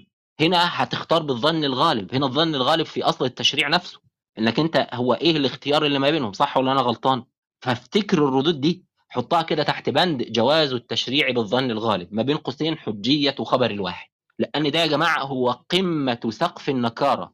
أنا بجيب لك كل ما ستسمعه منهم خد بالك. فما تعديش الكلام كده. آخر سقفهم خالص لما هتحاصرهم في كل حاجة هيقول لك ده خبر الواحد وخبر الواحد لا تقوم به الحجة. فأنت هترد ردود كتيرة. آه. حط ده بقى ضمن الردود بتاعتك. اعمل ملف كده سميه حجية العمل بخبر الواحد الثقة. وإن هم بيقولوا ما ينفعش تشرع بخبر الواحد الثقة. أنت عرفت إن في ردود كتيرة عندنا. هذا واحد منها. منها بقى إنك أنت هنا ستشرع بالظن الغالب في تعريف حليلة في تعريف الاختين وستشرع بالظن الغالب آه، في تحديد حلائل الأبناء. ده غير إن ده كمان دليل تحت باب وجوب البيان. إنك أنت إن أجبت فقد أوجبت البيان وقد حرمته على رسول الله. وإن اعتبرت بيانك حجة لنا ونحتاجه فبيان رسول الله حجة ونحتاجه من باب أولى. طيب. آه، الدليل رقم 43 آه، فإن كان لهن ولد فلكم الربع مما ترك. آه، نساؤكم لو لو زوجتك ماتت أنت بتاخد الربع. مما تركت إن كان له- لها ولد. حلو. طيب يدخل في هذا ولد الرضاع يعني مراتك لو ماتت وعندها ابن من الرضاع. المفروض أنت بتاخد نص التركة. طيب لو عندها ابن من الرضاع الابن ده يدخل ولا ما يدخلش؟ يعني الابن ده ياخد هو كمان جزء من التركة وأنت يحرم عليك إنك تاخد النصف وتاخد الربع فقط؟ أي إجابة في هذا الموضوع لن تكون إلا بالظن الغالب. إن قلت إن الولد لا يقصد به إلا ما خرج من الصلب لم يكن لك على هذا دليل إلا الظن الغالب. وإن أجبت أي إجابة أخرى لم تكن لتكون إلا بالظن الغالب. فقد أجو أوجبت أجبت التشريع أوجبت التشريع بالظن الغالب. وأجزت حجية العمل بالظن الغالب. واتهم لسان حالك رسول الله بالتقصير في البيان. أو قل كان يبين. فإن قلت كان يبين فلما كان بيانك نحتاجه وحجة فبيان رسول الله حجة من باب أول. حطوا ده يا جماعة تحت باب آه، وجوب البيان. الدليل رقم أربعة وأربعين وأمهاتكم اللاتي أرضعنكم وأخواتكم من الرضاعة. الآن أرضعنكم بقدر معين أم تكفي الرضعة الواحدة؟ يعني أرضعنكم الرضاع هنا يتحقق بال... ب- بالمسطة الواحدة؟ ولا الرضاع يتحقق بعدد معين. إن أجبت لم يكن لك لتجيب إلا بالظن الغالب. فإن قلت إن اللغة تسمي من فعل الفعل مرة واحدة فاعلا له قلنا وإن العرف لا يسمي الر- الرضاع تلك المصة يعني في عرف العرب لا يقولون فلان رضع الطفل ده رضع لمجرد إن هو مص مصة واحدة. بل العكس إن إن مص مصة واحدة يقولون لم يرضع بعد. ولو أنت غلبتني لم تغلبني إلا بالظن الغالب. فهنا شرعت العمل بالظن الغالب بل أجزت أجزت الظن الغالب في التشريع في أصل الشرع مش في التطبيق في التشريع نفسه في في في, في القاعدة الشرعية نفسها مش لسه في تطبيقها. إنك أنت تطبقها بالظن الغالب على المعينين ده شيء وإن هي نفسها في فهمها يرد عليها الظن ده شيء تاني. تمام كده؟ وده دليل على وجوب البيان. فإن أوجبته لنفسك فلما حرمته على رسول الله. الدليل 45 واللاتي يأتين الفاحشة من نسائكم فاستشهدوا عليهن أربعة منكم. فإن شهدوا فأمسكوهن في البيوت حتى يتوفاهن الموت أو يجعل الله لهن سبيلا من أين علمت أن الفاحشة هي الزنا؟ فإن قلت ولا آه، ولا تقربوا الزنا إنه كان فاحشة. قلنا وصف الزنا بأنه فاحشة. هذا ليس فيه تخصيص الفحش في الزنا. لأن التفحش في اللغة لا يقصد به الزنا. التفحش في اللغة أعم من الزنا. فما دليلك على أنها في هذه الآية يقصد بها الزنا؟ ما فيش دليل. إن أجبت أجبت بالظن الغالب. وتصبح قد أجزت التشريع بالظن والتي يأتين الفاحشة تعريف الفاحشة هنا لن يثبت إلا بالظن الغالب. فتكون قد آه، اعتقدت بأنه يجوز آه، الظن الغالب في أصل التشريع لا في التطبيق. وإن بينت فقد أوجبت البيان. وبالتالي تبقى أوجبت على نفسك ما حرمته على رسول الله. أنت يجب عليك البيان ثم هو يحرم على رسول الله. فإن قلت يجب عليه البيان في زمنه قلنا إن بيان رسول الله في الدين يحتاجه البعض دون البعض. فما الذي توفر فيهم؟ ثم لم يتوفر فينا بحيث احتاجوا لبيانه أما نحن فاستغنينا عنه. هذا تفريق بلا مفرق. ثم إن كان بيان رسول الله نحن لا نحتاجه اليوم. فما قيمة بيانك؟ إذا كان بيان رسول الله لا قيمة له. هل يصبح لبيانك أنت قيمة؟ فحط ده تحت بند بند وجوب البيان. الدليل آه 46 فانكحوا ما طاب لكم من النساء مثنى وثلاث ورباع. الآن من أين علمت أن الواو هنا بمعنى أو؟ فانكحوا ما طاب لكم من النساء مثنى أو ثلاث أو رباع. هو ده المعنى المقصود. وإحنا يا جماعة عارفين إن في في اللغة حاجة اسمها الترادف. إن في ترادف ما بين الحروف. زي مثلا وأص- ولا أصلبنكم في جذوع النخل. في جذوع النخل يعني على جذوع النخل في بمعنى على. قل سيروا في الأرض فانظروا كيف كان عاقبة المكذبين. سيروا في الأرض مش معناها جوه الأرض. سيروا في الأرض معناها على الأرض. والترادف ما بين الحروف ده موجود في كل في, في كل اللغات تقريبا. يعني في في اليوناني برضو نفس الكلام حرف أداة العطف كاي وإين وأوك. بتأتي بمعنى إن وبتأتي بمعنى و وبتأتي بمعنى في. موجود في في لغات كتيرة فهو موجود كمان في اللغة العربية. فإحنا عارفين فانكحوا ما طاب لكم من النساء هنا بمعنى مثنى أو ثلاثة أو رباع. طيب من أين علمت يقينا لا ظن إن هي مثنى أو ثلاث أو رباع؟ مش مثنى وثلاثة ورباع لأن لو هي مثنى وثلاثة ورباع يبقوا تسعة. من أين علمت هذا؟ فإن رجحت رجحت بالظن الغالب وأجزت الظن الغالب في أصل التشريع لا في التطبيق. فأوجبت حجية العمل من من بالظن الغالب من باب أولى. فإن قلت إنما علمنا اليقين من السنة فإن إجماع فعل الصحابة على ألا نكاح فوق أربعة. قلنا إيجابك آه، حجية العمل بما أجمع عليه المسلمون فقد أجمعوا تقريبا واستقر العمل بينهم على كل السنة تقريبا. زي مثلا حرمة لحم الحمير. استقر العمل عند المسلمين على حرمة لحم الحمير لو خالف واحد ولا اثنين لن تستطيع أن تثبت أن مالكا مثلا أجاز لحم الكلاب إلا بالظن الغالب. لماذا؟ لأن الذي نقل هذا عن مالك ثبت ثقة فهو واحد والواحد لا تقوم به الحجة. فلن تتمكن من إسقاط هذا الإجماع إلا إن أوجبت وأجزت العمل بخبر الواحد الثقة. فإما هذا وإما هذا. وبناء عليه فاستقر عمل المسلمين على حرمة لحم لحم الحمير. واستقر عمل المسلمين منذ زمن النبي على حرمة لحم الكلاب. واستقر عمل المسلمين منذ زمن النبي على حرمة الحرير لل- للذكور. واستقر عمل المسلمين منذ زمن النبي على حرمة الخاتم للذكور. وغيرها كتير. واستقر عمل المسلمين على حرمة الجمع بين المرأة وعمتها والجمع بين المرأة وخالتها منذ زمن النبي. فكروني يا جماعة واستقر عمل المسلمين على ختان الذكور. وكل ده مش موجود في القرآن. واستقر عمل المسلمين على أن لا يرث المسلم الكافر ولا يرث الكا- الكافر المسلم ده منذ زمن النبي. فإن آه، أجزت العمل بإجماع واحد ومستقر واحد عند المسلمين هتبقى ملزم بكل السنة. لأن كل السنة تقريبا تحولت إلى إجماعات وعمل مستقر.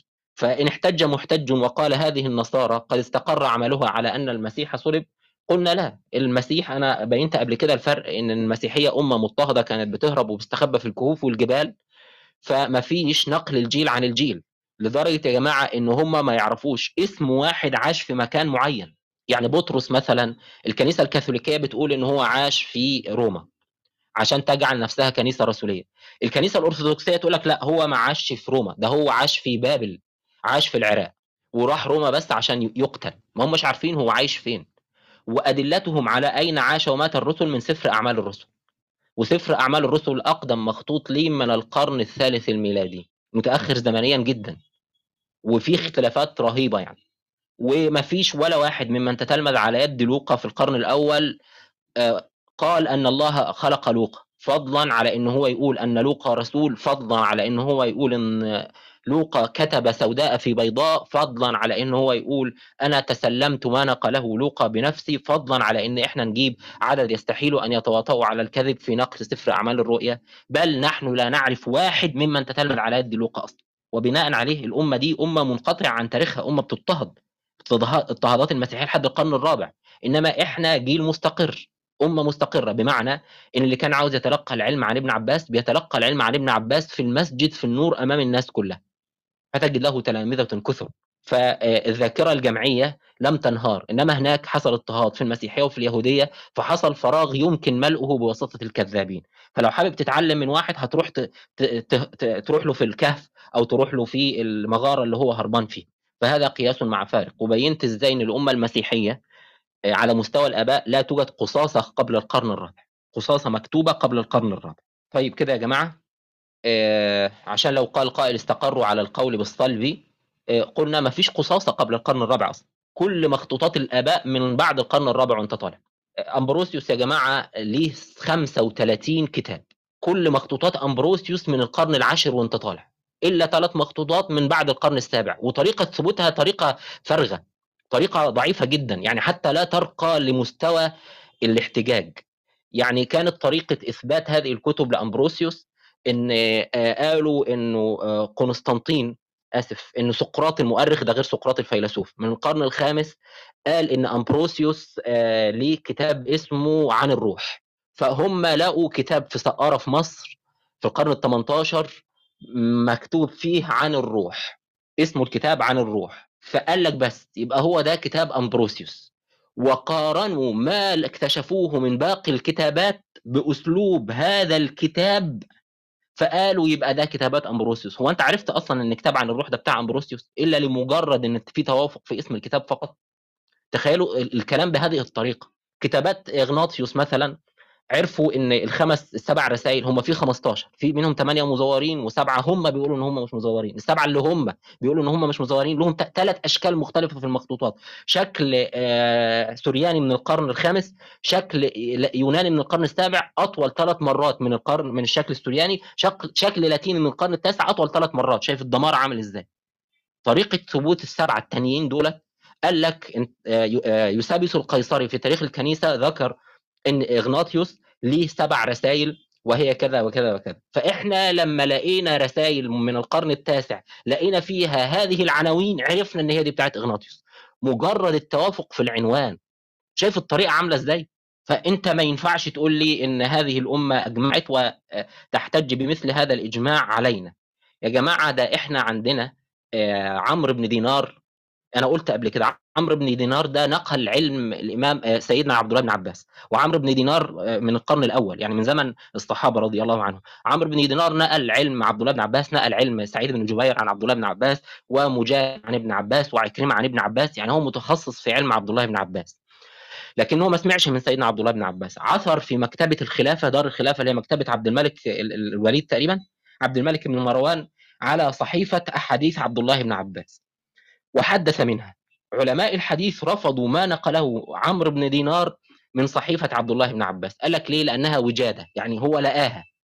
وإحنا ما نعرفش هو جايبها منين يعني مصدر صحتها إيه. بالرغم من إن هي قريبة الزمن جدا من ابن عباس بضع سنوات. وبالرغم من إن هي في مكتبة دار الخلافة ومكتبة دار الخلافة المفترض إن هي هتقدم كتب عظيمة وكتب مهمة وكتب موثوق فيها مش أي كتاب يعني مش أي مكتبة من الشارع يعني. وبالرغم من إن عمرو بن دينار من المتخصصين في وحي عبد الله بن عباس في أحاديث عبد الله بن عباس يعني يقدر يعرف بالملكة اللي عنده وبالمعلومات اللي عنده إيه هو كلام ابن عباس وإيه هو مش كلام ابن عباس وبالأسانيد اللي عنده. رغم كل هذا رفضوا عمرو بن دينار.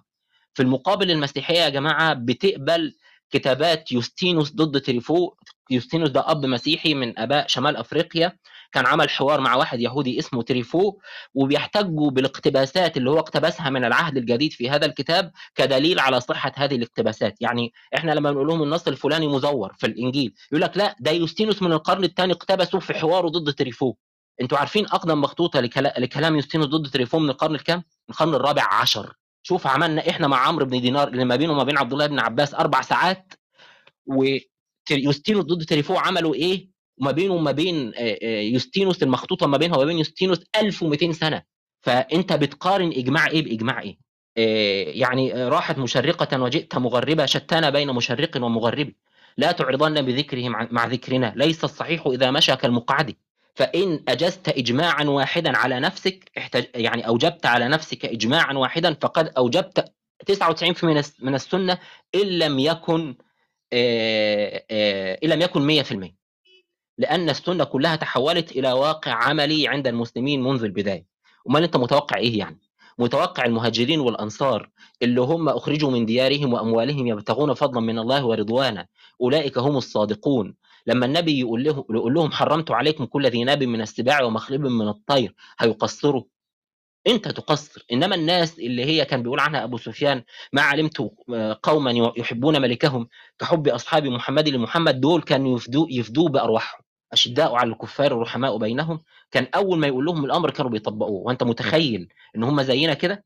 فالسنة تحولت لواقع عملي عشان كده حجيه العمل ب آه، العمل ب آه، بعمل أهل المدينة يعني. طيب الدليل رقم كام؟ 45 ولا 46 قلنا مثنى وثلاث ورباع. الدليل سبعة وأربعين.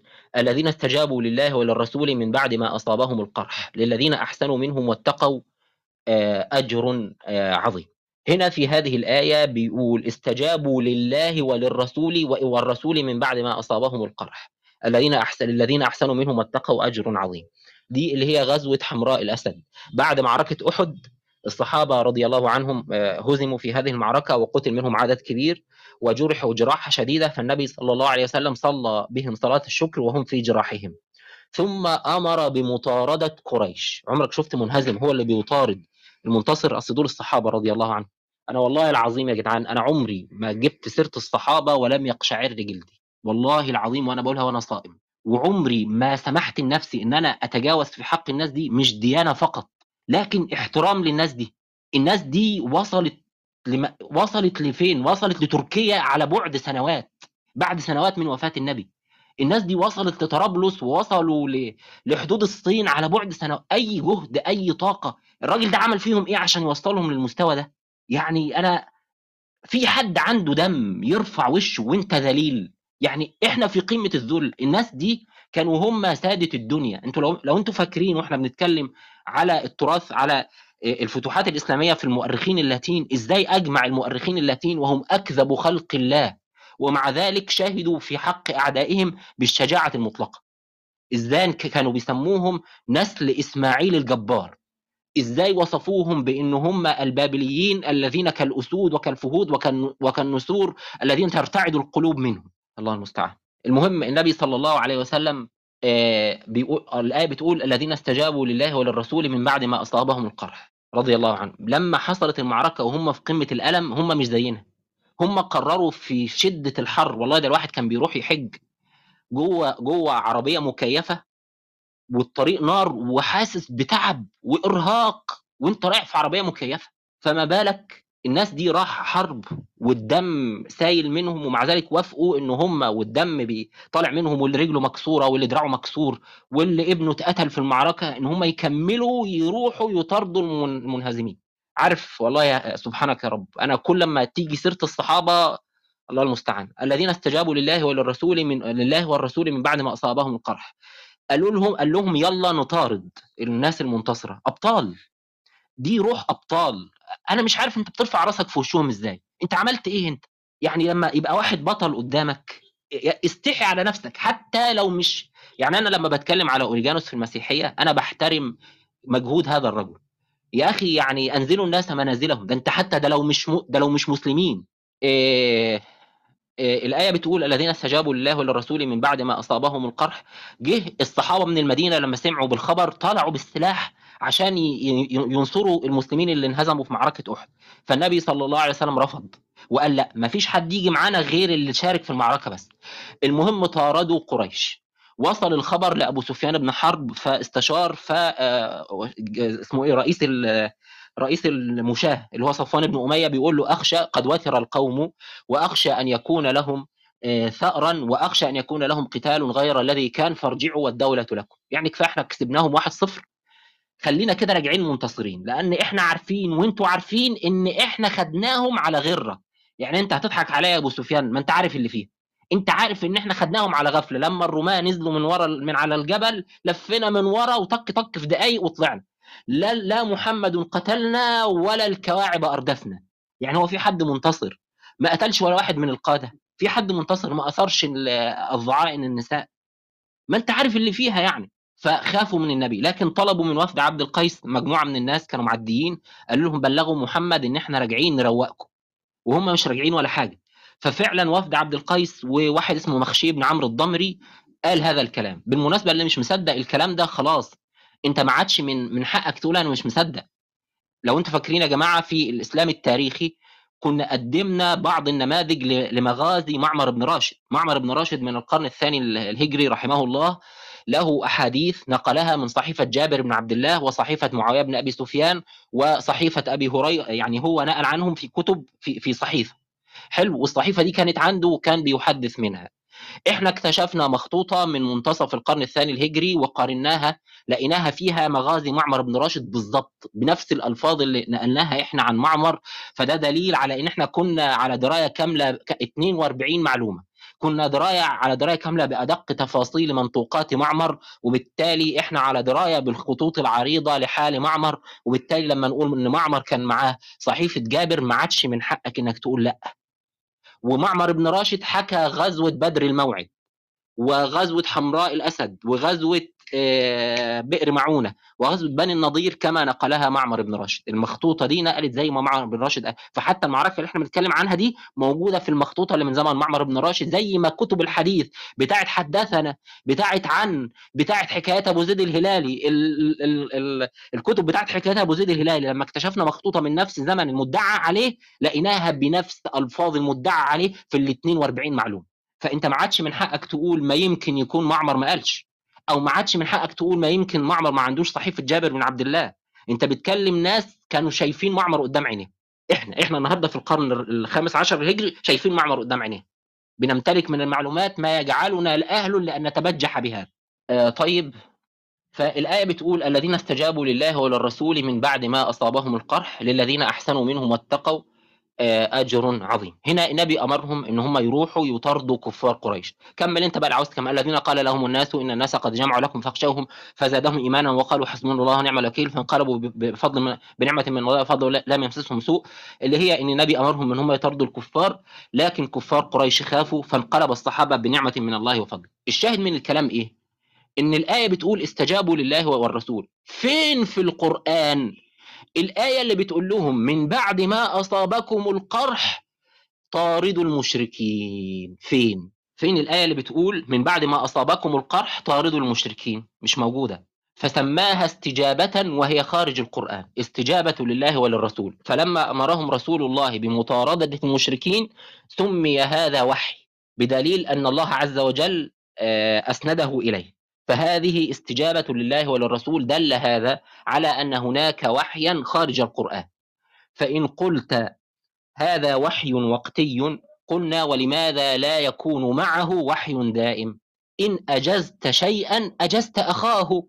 يعني لماذا تجيز الوحي الوقتي خارج القرآن وتحرم الو- الوحي الدائم خارج القرآن؟ ما العلة؟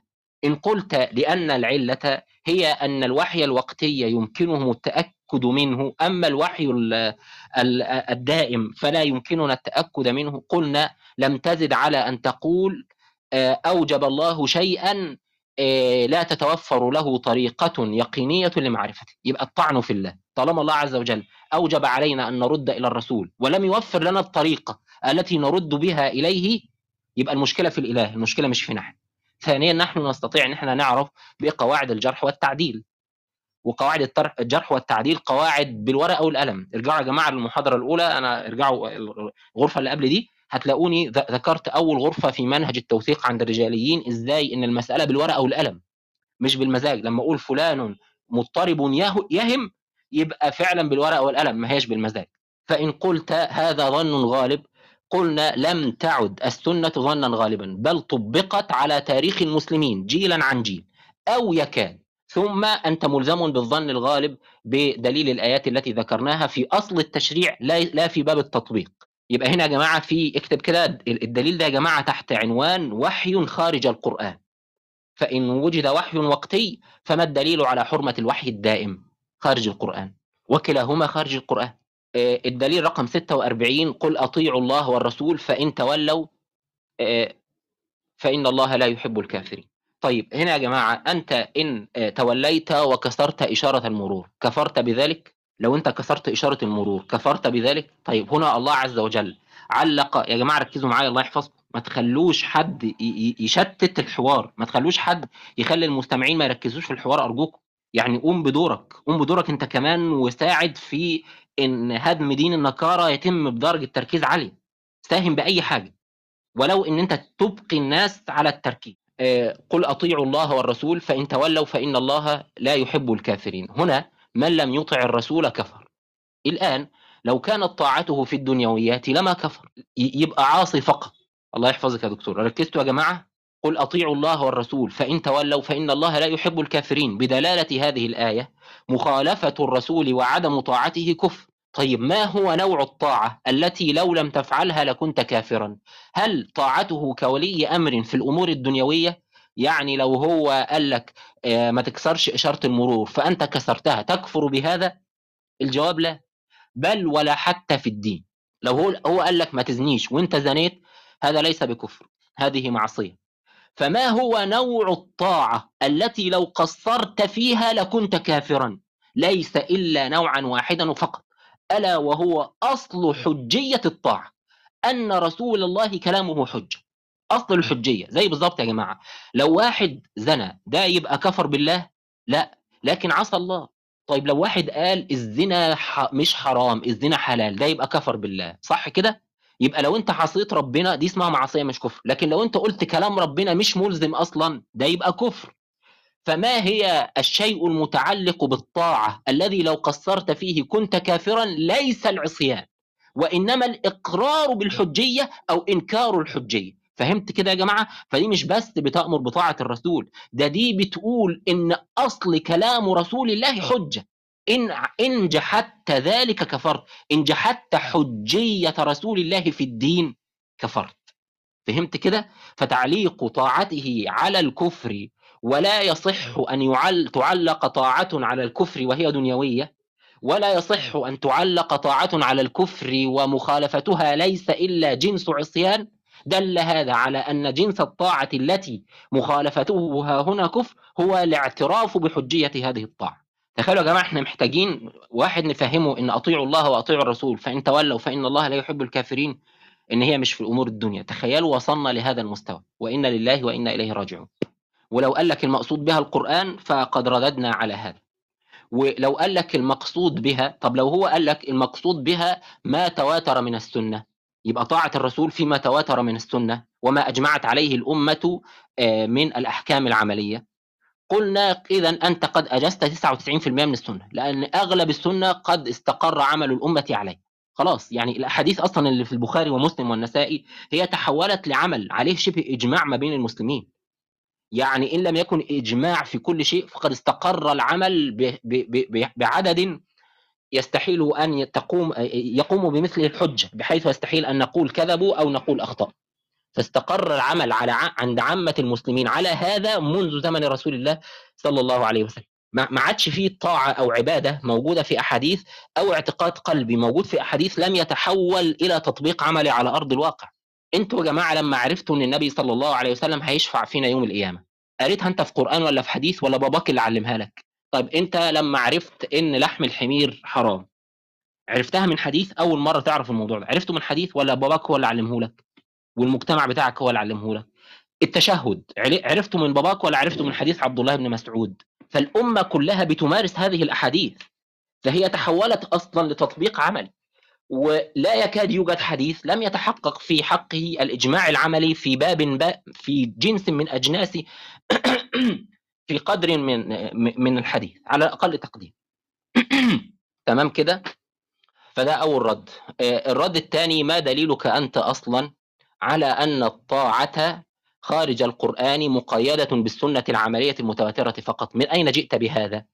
فإن قلت لأن هذا هو أقصى ما يمكننا التأكد والاستيثاق منه قلنا نحن لم نسألك ما الذي تستطيع أن تستوثق منه من سنة رسول الله وإنما نسألك ما الذي أوجبك أوجب الله عليك أن تطيعه منها. ففي فرق ما بين إيه اللي تقدر توصل له وبين إيه اللي أمرك أن تطيعه. هو أمرك أن تطيعه فيما تواتر فقط من عمليات أوامره. أين هذا في القرآن؟ أو أين هذا من العقل؟ أن أوامره لا تطاع إلا في الأعمال المتواترة. أين الدليل على هذا من القرآن أو العقل؟ لا دليل. ثم إذا أجزت وجود شرع خارج القرآن فلماذا لا تجيز الشرع اللي هو بأخبار الآحاد؟ لماذا؟ وهو أيضا وحي خارج القرآن. إن قلت لأن خبر الواحد لا تقوم بمثله الحجة قلنا هذا ليس بدليل على أن كلام النبي خارج القرآن الذي هو ليس بسنة متواترة حج ليس بحج. إنما هو دليل على أن النبي يتكلم في الدين وعجزنا عن معرفة كلامه. وهذا اتهام لله بالتقصير. فما الدليل الذي يمنعه أن يتكلم في دين الله كلاما غير الأعمال ومع عدد قليل من الناس لا يتواترون؟ إيه اللي يمنعه من هذا؟ ما فيش. إيه الدليل 47 الآية بتقول وكيف ركزوا معايا في الدليل ده؟ لأنه مهم. وكيف تكفرون وأنتم تتلى عليكم آيات الله وفيكم رسوله. ركزوا معايا أرجوكم بالله عليكم ركزوا في هذا الدليل. ده دليل مهم. وكيف تكفرون وأنتم تتلى عليكم آيات الله؟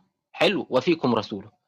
الآن هذه الآية تقول أنه لا عذر لهم في الكفر لأنه يتلى عليهم آيات الله وفيهم رسوله. صح كده؟ إذا لا حجة لهم في الكفر وآيات الله تتلى عليهم ورسول الله فيهم. طيب إحنا الآن علمنا دور آيات الله في قطع عذر الكفار. علمنا دور الآيات في قطع عذر الكفار. فما هو دور رسول الله في قطع عذرهم؟ الآية بتقول أنتم لا عذر لكم في الكفر. بسبب شيئين. أن آيات الله تتلى عليكم فمحمد يقعد يتلوها عليكم. وأن فيكم محمد. الآن إحنا عارفين كيف أن آيات الله تقطع عذرهم. تقطع عذرهم بأن يقعد رسول الله ويقرأها عليهم. آه وقرآنا فرقناه لتقرأه على الناس على مكث. فكيف وجوده فيهم يقطع عذرهم ويقيم الحجة عليهم؟ فهمتوا كده يا جماعة؟ إذا الحجة تقوم عليهم بشيئين. تلاوة آيات الله ووجود رسول الله. ونحن نعلم أن تلاوة آيات الله قامت من خلال رسول الله. فكأن الآية بتقول وكيف تكفرون؟ وفيكم آيات الله يتلوها عليكم رسول الله. وفيكم رسول الله.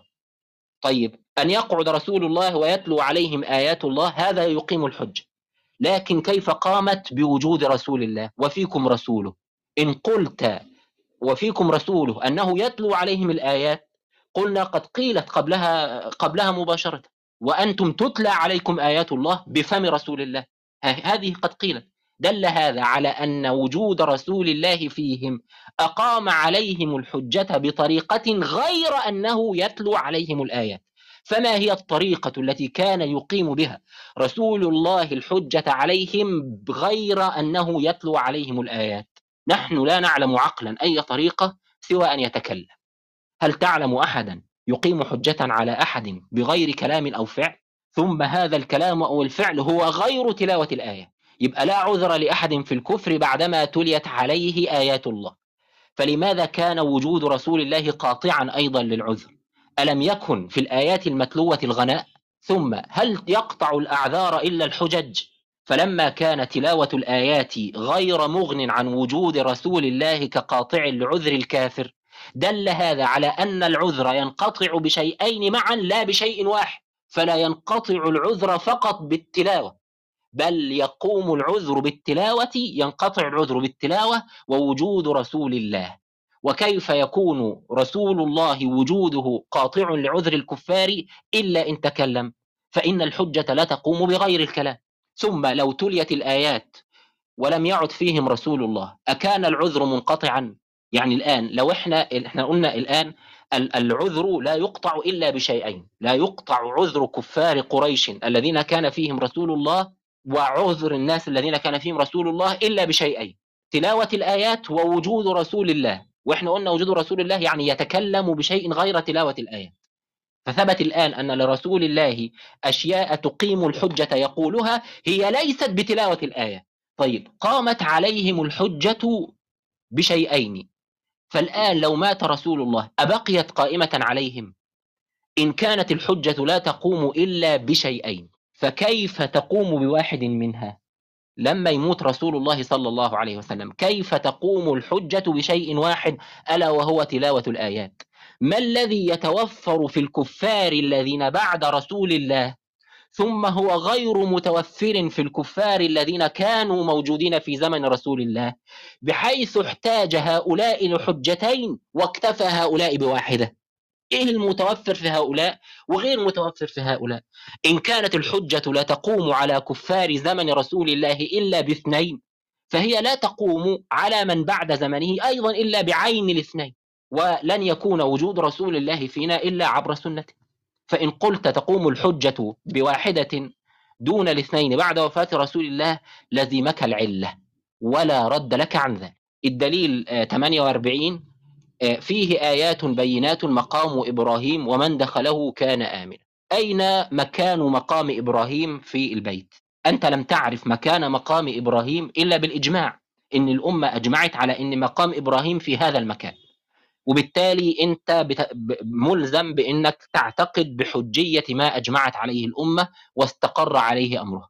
وقد استقر أمر هذه الأمة على أحكام شرعية كثيرة جدا جدا مش موجودة في القرآن واجمعت على العمل بها عبر الزمان. فلماذا قبلت ما اجمعت عليه الامة في تحديد مكان مقام إبراهيم وقبلت ما اجمعوا عليه واستقر عليه عملهم في حرمة الجمع بين المرأة وعمتها والجمع بين المرأة وخالتها مثلا؟ وحرمة أكل آه، الحمير مثلا. فإن قلت لأنه يناقض القرآن قلنا اذا لم يعد لإجماع المسلمين حجة. فلماذا قبلت إجماعهم في بيان مقام إبراهيم؟ ومقام إبراهيم هنا آيات بينات. يعني ينبغي أن يعرف وإلا لم يكن آية بينة. آه يا أبو جنى أنا هجيب كم حاجة دلوقتي. آه، كل السنة تحولت لتطبيق عملي عند أهل الإسلام إلى يومنا هذا. صحيح استقر عليه العمل. ولو واحد قال لك ما هو الإمام مالك مثلا خالف في حرمة لحم الكلب قول له أنت لا تستطيع أن تثبت هذا عن مالك إلا بخبر الواحد الثقة. فهل أنت تقول بحجية الظن الغالب؟ ثم إذا استقر عمل الأمة على شيء لم يعد لمخالفة الواحد آه، آه، دليل على أنهم أخطأوا. وإن قلت بأنهم أخطأوا فلماذا قبلت ما اجمعوا عليه في تحديد مقام إبراهيم وعدد ركعات الصلوات وأوقات الصلوات والأذان والحاجات التانية اللي إحنا بنتكلم فيها؟ فإما إنك أنت بترى أن ما اتفقت عليه الأمة واستقر عملها عليه حجة أو لا. يعني ما تخشش معاه في موضوع إثبات حجية الإجماع. شوف اللي هو عاوزه. والله قال لك الإجماع حجة قول له خلاص. الأمة أجمعت على كذا كذا كذا كذا خلاص. أجلب عليه بخيلك ورجل. ولو قال لك إجماع الأمة ليس بحجة قول له خلاص. في قائمة من الحاجات انت بتعمل بها. لماذا قبلتها وهي من إجماعات الأمة وإجماع الأمة ليس بحجة؟ فهمت؟ فليس له مخرج من هذا إلا أن ينكر حجية الإجماع. فإن أنكر حجية الإجماع فقد أجاز تحريف القرآن لأن القرآن لم تثبت صحته إلا بإجماع الأمة عليه. فإن قال بأن القرآن معصوم بدليل قوله آه، إن نحن نزلنا الذكر قل قل له ممكن يكون هو ده نفسه محرم. فإن قال هو معصوم من التحريف بدليل قوله آه، إحنا نقدر نعرف أن القرآن معصوم من التحريف بدليل قوله ولو كان من عند غير الله لوجدوا فيه اختلافا كثيرا قلنا هذا دليل على أن القرآن من عند الله وليس أنه لم يدخله التحريف ولا دليل على أن ما كان من عند الله لازم أن يبقى معصوما فما دليلك على أن ما كان من عند الله لازم أن يبقى معصوما؟ فإن قلت الإله اللي يحرف كلمته عاجز أنا جاوبت على الموضوع ده قبل كده فليراجع. الدليل رقم 49 تقريبا يا جماعة ولا 50 آه، آه، كل الطعام كان حلا لبني إسرائيل إلا ما حرم إسرائيل على نفسه من قبل أن تنزل التوراة. الآن لا يخلو أن يكون إسرائيل عليه السلام قد حرم على نفسه من تلقاء نفسه أو حرم على نفسه بإذن الله. فإن قلت حرم على نفسه من تلقاء نفسه فقد اتهمت إسرائيل عليه السلام بأنه آه، يشرع لنفسه بدون إذن الله وهذا كفر. فلم يبق لك إلا أن تقول إن إسرائيل حرم على نفسه ما أذن الله له بتحريمه ما أذن الله له بتحريمه. فإن احتج محتج بأن رسول الله حرم على نفسه أكل المغاثير قلنا ما حرم على نفسه أكل المغاثير إلا لما أذن الله له أن يحرم على نفسه. فإن أخطأ في التحريم على نفسه قيل له لم تحرم ما أحل الله لك؟ فلا يمكن لإسرائيل عليه السلام أن يحرم هذا على نفسه إلا لو أن الله أذن له فيه. فالآن إسرائيل حرم هذا على نفسه. دل هذا على أن الله أذن له فيه. دل هذا على أن له قوة الوحي. ودليل ثاني على أن ما حرم إسرائيل على نفسه ها هنا له قوة الوحي هو أن ما حرمه إسرائيل على نفسه صار حراما على بني إسرائيل. بدليل قوله كل الطعام كان حلا إلا المحرمات الإسرائيلية إلا المحرمات اليعقوبية. يعني طعام إسرا... بني إسرائيل طعامهم حلا- حلال يعني كل الطعام حلال لبني إسرائيل إلا نوع معين هو الذي كان حراما على بني إسرائيل.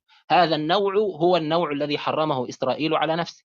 فلما ارتضى الله أن يصير ما حرم إسرائيل على نفسه شرعا لبني إسرائيل دل على أن إسرائيل لما حرمها على نفسه لم يخطئ فيه.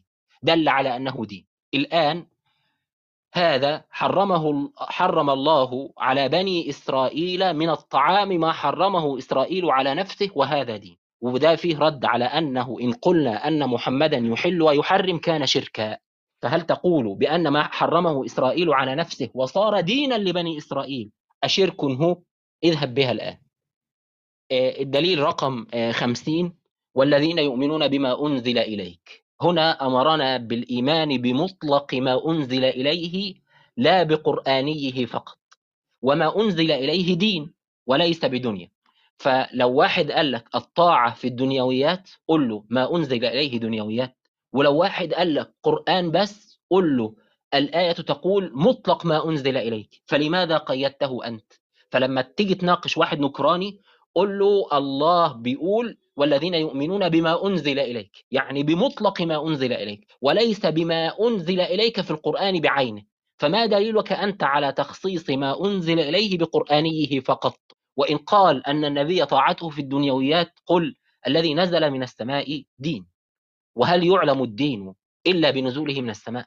الدليل 51 آه، ربنا آمنا بما أنزلت واتبعنا الرسول فاكتبنا مع الشاهدين. ده نفس الحجة اللي قالها أحد الإخوة من شوية اسمه فهد تقريبا. لما قال إن النبي في مكة لم يكن ولي أمر. وهنا هؤلاء المؤمنون اتبعوا الرسول اللي هو عيسى عليه السلام ولم يكن ولي أمر. بل عيسى عليه السلام كان مطاردا كانوا عايزين يقتلوه أصلا. فهنا اتبع رسول ثم هو ليس بولي أمر. دل هذا على أن اتباعه كان في الدين لا في الدنيا. آه، الدليل إيه؟ 52 إن أولى الناس بإبراهيم للذين اتبعوه وهذا النبي والذين آمنوا. وإبراهيم عليه السلام لم يكن ولي أمر بل هرب من أبيه وقومه. آه، دل هذا على أنه اتباع في الدين. الدليل 53 قل إن كنتم تحبون الله فاتبعوني يحببكم الله ويغفر لكم ذنوبكم والله غفور رحيم. قل أطيعوا الله والرسول فإن تولوا فإن الله لا يحب الكافرين. طيب ربنا بيقول قل إن كنتم تحبون الله فاتبعوني يحببكم الله. طيب لو أنك اتبعت النبي في الدين أما كان الله ليحبك؟ ولا هو بس اتباعه في الدنيا هو الذي يجعل الله يحبك؟ مش منطقي. ده أول ما يجعل الله يحبك أن تتبع النبي في الدين. إذا اتباع النبي يكون في الدين أول ما يكون وليس فقط في الدنيا. فلما يجي واحد يقيدها لك ويقول لك ده اتباعه في أمور الدنيا بس باعتباره ولي أمر وهو مات خلاص فما عادش ولي أمر قول له لا الآية أوجبت الحب لمن اتبعه وأول ما يحبنا الله من أجله العبادات والطاعات فالدين هو أول ما يدخل. بعد كده قال قل أطيعوا الله والرسول فإن تولوا فإن الله لا يحب الكافرين. إحنا ردينا على دي ودي من أقوى الآيات يا جماعة. هنا طاعة يكفر من تعنت معها. طاعات طاعة يكفر من خالفها. والطاعة في الدنيويات والمخالفة في الدنيويات لا يكفر فاعلها. بل المخالفة في الدينيات لا يكفر آه، آه، فاعلها. لا يكفر فاعلها لا يكفر إلا من أنكر حجية طاعة الرسول. أصل حجية الطاعة. الله يحفظك يا أستاذ رجب. فهمتوا كده؟ آه، الدليل 54 شهد الله أنه لا إله إلا هو والملائكة وأولو العلم قائما بالقسط لا إله إلا هو العزيز الحكيم إن الدين عند الله الإسلام. وما اختلف الذين أوتوا الكتاب إحنا جاوبناه اللي هو قل أسلمت قلنا ده وقل أسلمت وجهي لله ومن اتبعن آه، قلنا إن ده اتباع في الإسلام لأنه أمر الذين أوتوا الكتاب والأميين به. فقال وقل للذين أوتوا الكتاب والأميين أأسلمتم؟ فإن أسلموا فقد اهتدوا. وقبلها قال إن الدين عند الله الإسلام. فقال بعدها فأمر آه، الذين أوتوا الكتاب والأميين بالإسلام وأخبر قبلها بأن الدين عند الله الإسلام ثم أخبر أن هناك من تابعه. فلا يكون قد تابعه أول ما تابعه إلا في هذا الذي سماه إسلام. ثواني يا أخو تمام شكل الدكتور هيبقى عنده اتصال؟ آه أستاذ محمد علي يا أستاذ محمد. رمضان الكريم يا رب. ورفع آه، أهلين يا أستاذ عليكم. محمد. رمضان ازيك يا كريم دكتورة. وعليك كل س... كل سنة وحضرتك طيبة. وانت آه كل رب. آه الله يكرمك. هو دكتور أحمد خلص ولا لسه؟ لا هو شكله معاه اتصال هلا بس اتفضل اذا حابب شكله جاله اتصال. آه. أنا كنت عايز أقول له حاجة أنا منتظره بقى لما يجي يعني عايز أقول كام حاجة بسرعة جدا كده. يعني عارف إن أنا مش عايز أضيع الوقت والله. ما شاء الله لا قوة إلا بالله ربنا يبارك فيه ويحفظه. والله أنا تحت يعني أكاد أسقف والله عايز أسقف والله. ما شاء الله لا قوة إلا بالله. ربنا يبارك فيه ويحفظه ويزيده علم يعني. أنا حرجع أسجلها والله هاي النقاط وما شاء الله عم يورد كل الآيات اللي فيها دليل على حجية السنة حتى اللي مش بالأمر المباشر يعني. اللي بالأمر المباشر زي أطيعوا الله وأطيعوا الرسول. لا يعني آه، الاستدلالات العظيمة تبعت آه، التطبيق العملي لأحكام مفصلة زي مثلا ال- الجمع ما بين الأختين هل تدخل فيها مثلا أخت الرضاعة ولا لا؟ آه، ال- الولد الابن آه، الرضاعة بيدخل في آية الورث ولا لا؟ آه، إلى آخره من الأشياء التفصيلية ال- يعني كل واحد زي ما قال لك واحد مثلا أدلة تحت وجوب التبيان أدلة تحت بند آه، مثلا وجوب توصيل الرسالة آه، أدلة تحت آه، وجوب اتباع الرسول صلى الله عليه وسلم حتى في أمور يعني في أمور الدين والدنيا الاثنين يعني. فبسم الله ما شاء الله يعني بالمحاضرات هاي يعني عم بكفي بوفي فيها والله. يعني أي واحد المفروض من المنكرين للسنة اللي عنده شوية رغبة في إنه يطيع ربنا فعلا المفروض والله يفتح قلبه هيك وسمعه ليسمع الأدب القرآني إذا كان صادق مع ربنا يعني والله يهديهم ويهدينا يعني. آمين يا رب آمين يا رب والدكتور جاله مكالمة ولا إيه؟ مكالمة؟ آه يبدو إجاله اتصال أو إجاله شغل طب أنا أنا ممكن أستغل الوقت يا جماعة آه يا ريت يا دكتوره اللي حضرتك الأسماء اللي تثقي فيها يعني. أنا بقترح كده كنت اقترحت عند الدكتور سيرش نفس الكلام إن الناس يعني أسماء معينة تطلع إن شاء الله يفتحوا المايك ولو ثواني عشان تبقى موجودة على ال profile بتاعهم عشان ننشر الكلام دوت. يعني الكلام ده على درجة كبيرة جدا من الأهمية. فعايزين يعني إيه لو واحد مثلا ما يعرفش الدكتور أحمد الشامي أو بيدور تبقى منتشرة في ال profile مثلا بتاع 10 20 من 30 يعني آه، أنا بعمل الحركة دي بصراحة بحاول أطلع إن أنا إيه آه، آه، أفتح المايك ولو حتى ثانية يعني أتكلم كلمة واحدة أشكر أو حاجة عشان تبقى موجودة على ال profile بتاعي لو حد عايز يوصل لها يعني. أنا بقترح كده إن ناس كتير تعمل كده يعني. الله أعلم يعني. فعلا هي بعت الإنفايتات فعلا هي الدكتور سيرش معنا على ال panel الله يكرمك يا دكتور سيرش. طيب جزاك الله خير يا باشمهندس. الله يكرمك طيب الله يكرمك يا دكتور. أنا مش عايز أضيع الوقت والله لأن إيه خسارة الواحد يضيع ثواني من كلام حضرتك ده. ربنا يبارك فيك. لا كلك ذوق الله يعزك الله يكرمك. آه، يا ريت يا دكتور بس إيه آه، أنا هطلب منك حاجات سريعة والله كأخ محب ليك جدا جدا يعني.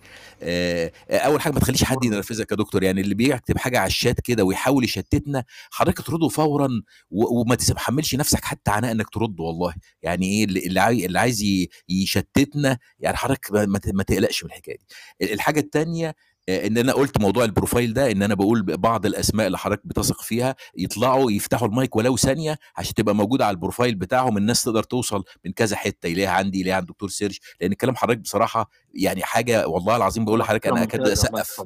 والله أكاد أسقف تحت الله يعني. يكرمك. آه، الحاجة برضو آه، آخر يمكن آخر حاجة بقى آه, آه عايز أسأل حضرتك سؤال. آه، المادة اللي حضرتك بتتكلم منها يا دكتور لو ترشح لنا كتب أو كده لأن الكلام اللي أنت بتقوله أنا عايز أحفظه. أنا أنا أنا عن نفسي عايز أحفظه. يعني أول حاجة ترشيح كتب الحاجة اللي بعد طيب كده صلى على النبي. أنا آه، هنزل هنزل كله الفايل كله 12 صفحة اللي أنا قلتهم دول. هنزلها لكم في كذا صفحة كده وأحطها في المحاضرة الجاية. طيب ربنا يكرمك. الحاجة تانية بقى يا دكتور آخر حاجة غرف حضرتك كلها يا دكتور آه، آه، أنت بت- بتقولها بطريقة أكاديمية جدا وأنا عايز الكتب دي قصدي الكلام بتاع حضرتك ده مش على النت بقى آه، آه، كلنا نضيع الباقة بقى. إحنا عايزين الكلام ده MP3 مقطع صوتي كده ونقعد نسمعه بقى ونحفظه لأنه كلام كمان ده أنا هكتب وراه ده أنا هقعد أسمعه وأقعد أكتب. فمحتاجين جدا MP3 تبقى متاحة لكل غرف حضرتك.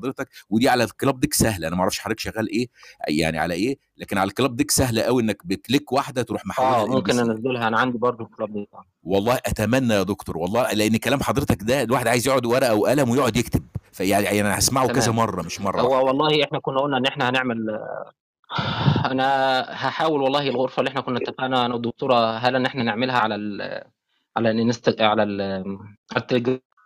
يا ريت والله يا دكتور هلا بنهاية هاي القناة وننزل عليها؟ نأسس أنا عندي فعلا كلاب deck على الجهاز آه. وأنا هن... المرة الجاية أنا هجيب ال- الك- المادة دي مكتوبة هحطها لكم فوق. ربنا يبارك فيك ويحفظك. شكرا جزيلا يا دكتور. السلام عليكم. السلام عليكم. وعليكم السلام. بلكي يا دكتور في نهاية يحفظك هاي نف- نعمل قناة على ال... طيب إحنا. وعليكم السلام. اتفضلي يا دكتور. بس بدنا نسلم على الدكتور سيرش والأستاذ أبو جنى عشان يفتحوا معنا المايكات. ماشي تمام. تمام السلام عليكم السلام ورحمة عليكم الله. السلام عليكم. كل سنة وأنت طيب يا رب. رمضان كريم. كل سنة وأنتم طيبين. كل عام وأنتم طيبين. كل عام وأنتم طيب يا دكتور أحمد. كل عام وأنت طيب أخويا أبو جنى. ربنا يبارك فيك يا رب ويجزيك خير. تقبل الله حبيبي و- وأنت طيب الله يحفظك هنا. الله يعزك يا سيرش يا الله دكتور يا الله يحفظك. آه، أبو يبقى هي هي خريطة ذهنية كده. هو أبو جنى موجود؟ آه حيا الله معك أبو جنى. حياك الله يا عليكم أخي كريم ما خدتش بالي طيب الله أنفاسك يا دكتور. اتفضل يا دكتور يبقى هي خريطة ذهنية آه، انت ال... انت ال... انت اللي في. انت اللي في... الجانب القوي. أطيعوا الله وأطيعوا الرسول اتبعوا المرسلين الا نعلم انت اللي في الجانب القوي. افتكر الخريطة اللي إحنا عملناها إن هم ردودهم بيبقوا ثلاث حاجات إن هو بيقيد لك الطاعة بالقرآن وإحنا عرفنا بعض الردود على هذا وإن ما فيش دليل على هذا التقييد. أبسط رد ترده إيه الدليل على التقييد؟ وأنت عارف الرد بتاعه الرد البسيط جدا اللي هو موضوع ما أنزلنا إليك الكتابه تبيانا لكل شيء. قول له أنا وأنت عارفين إن القرآن مش تبيانا لكل شيء. وإن هو عام يراد به الخصوص وإن ده في اللغة موجود كتير جدا يعني. ولو قال لك إن هو الطاعة في الأمور الدينية بس رد عليه الردود اللي إحنا قلناها وأبسطها خالص إن هو رسول والرسول له حيثية. فلما تطيعه كولي أمر وانت أطعت محمد لم تطعه كرسول. والرد الثالث إن هو يقول لك إن الطاعة في الأركان العملية المتواترة وده أسهلهم. لأن اللي بيقر به الأركان العملية المتواترة آه، اللي هي الأفعال التي تواترت في الأمة فتقريبا كل السنة استقر عمل الأمة عليه. ما عادش حاجة لم تعمل الأمة بها لدرجة الاستقرار والتواتر جيلا عن جيل ما عادش. وأبسط حاجة على الثلاثه قول له ما دليلك. يعني اللي يقول لك طاعة الرسول في في الأفعال العملية المتواترة قول له فين الدليل في القرآن؟ اللي يقول لك إن طاعة النبي كولي أمر بس قول له فين الدليل في القرآن؟ ان جاب لك آيات التحاكم قول له آيات التحاكم يمكن الربط بينها وبين آيات الطاعة وليست مقيدة لها. بالإضافة إلى إن آيات التحكم هو تحكم بما أنزل الله وبما أراه الله بمطلق ما أنزله وبمطلق ما أراه. ولو قال لك إن أوامر القرآن هي أوامر النبي قول له ده كفر لأن القرآن كلام الله مش كلام النبي. آه، تمام كده؟ آه، الحاجة اللي هركز عليها اللي هي آه، مهمة جدا وركزوا فيها يا جماعة لأن هي دي قبة الهرم. دي أكتر حاجة سادتهم وكبراؤهم بيتكلموا فيها وهي مسألة إن السنة ظن غالب وما ينفعش تشرع بالظن الغالب. فهمتوا؟ فلما إحنا بنقول لهم ربنا بيقول في القرآن الكريم يا أيها الذين آمنوا إذا جاءكم المؤمنات مهاجرات فامتحنوهن الله أعلم بإيمانهن فإن علمتموهن مؤمنات فلا ترجعوهن إلى الكفار. هنا حكم شرعي. طيب أنت هتعرف إن هم مؤمنات ولا لأ؟ إزاي إلا بالظن الغالب؟ هيقول لك لأ ده ده في تطبيق الحكم. أنت لن تعلم تنزيل الحكم علي على هذه المرأة ده بالظن الغالب. لكن الحكم نفسه القانون نفسه ثابت في القرآن ولا مش ثابت في القرآن؟ ثابت في القرآن. يبقى هو ثبت باليقين ولا بالظن؟ ثبت باليقين. فهمت اعتراضه عامل إزاي؟ فرد عليه بردود. وإحنا هنمسك موضوع خد حجية خبر الواحد ده هيبقى ركن رئيسي في ردودنا. هذا واحد منها. منها بقى إنك تقول لأ في تشريعات بالظن الغالب كتيرة في القرآن. رد عليه بقى إيه؟ الحاجات اللي أنا قلتها لك تحت عنوان الحاجة للبيان مش أنا ذكرت لك نصوص تدل على الحاجة للبيان كل دي تشريع بالظن الغالب زي والمطلقات يتربصن بأنفسهن ثلاثة قروء القرء في اللغة هو إيه؟ هو الطهر والحيض معا. فيدا يدا يعني في في اللغة كلمة بتحتمل المعنى ونقيضه. زي كلمة ظن. ظن في اللغة معناها أيقن ومعناها شك. لو أنت مش ممكن أنت تتفاجئ بهذا.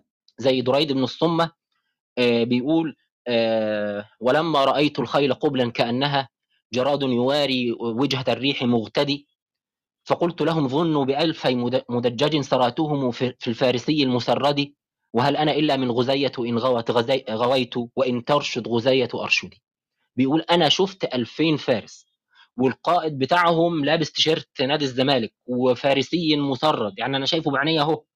فلما رحت لهم قلت لهم ظنوا بألف مدجج. طب بعد ما أنت شفتهم وشفت اللبس بتاع القائد بتاعهم كمان فارسي مسرب تقول لهم ظنوا ولا تقول لهم أيقنوا تقول لهم أيقنوا فهنا أطلق الظن بمعنى آه اليقين. والآية الثانية اللي هي بتقول وأما من أوتي فأما من أوتي كتابه بيمينه فيقول هاؤم اقرأوا كتابية إني ظننت أنه أني ملاق حسابية. هل المؤمن الذي هو من أهل اليمين يشك في آه، الحساب من بعد بعد الموت؟ لا ابدا.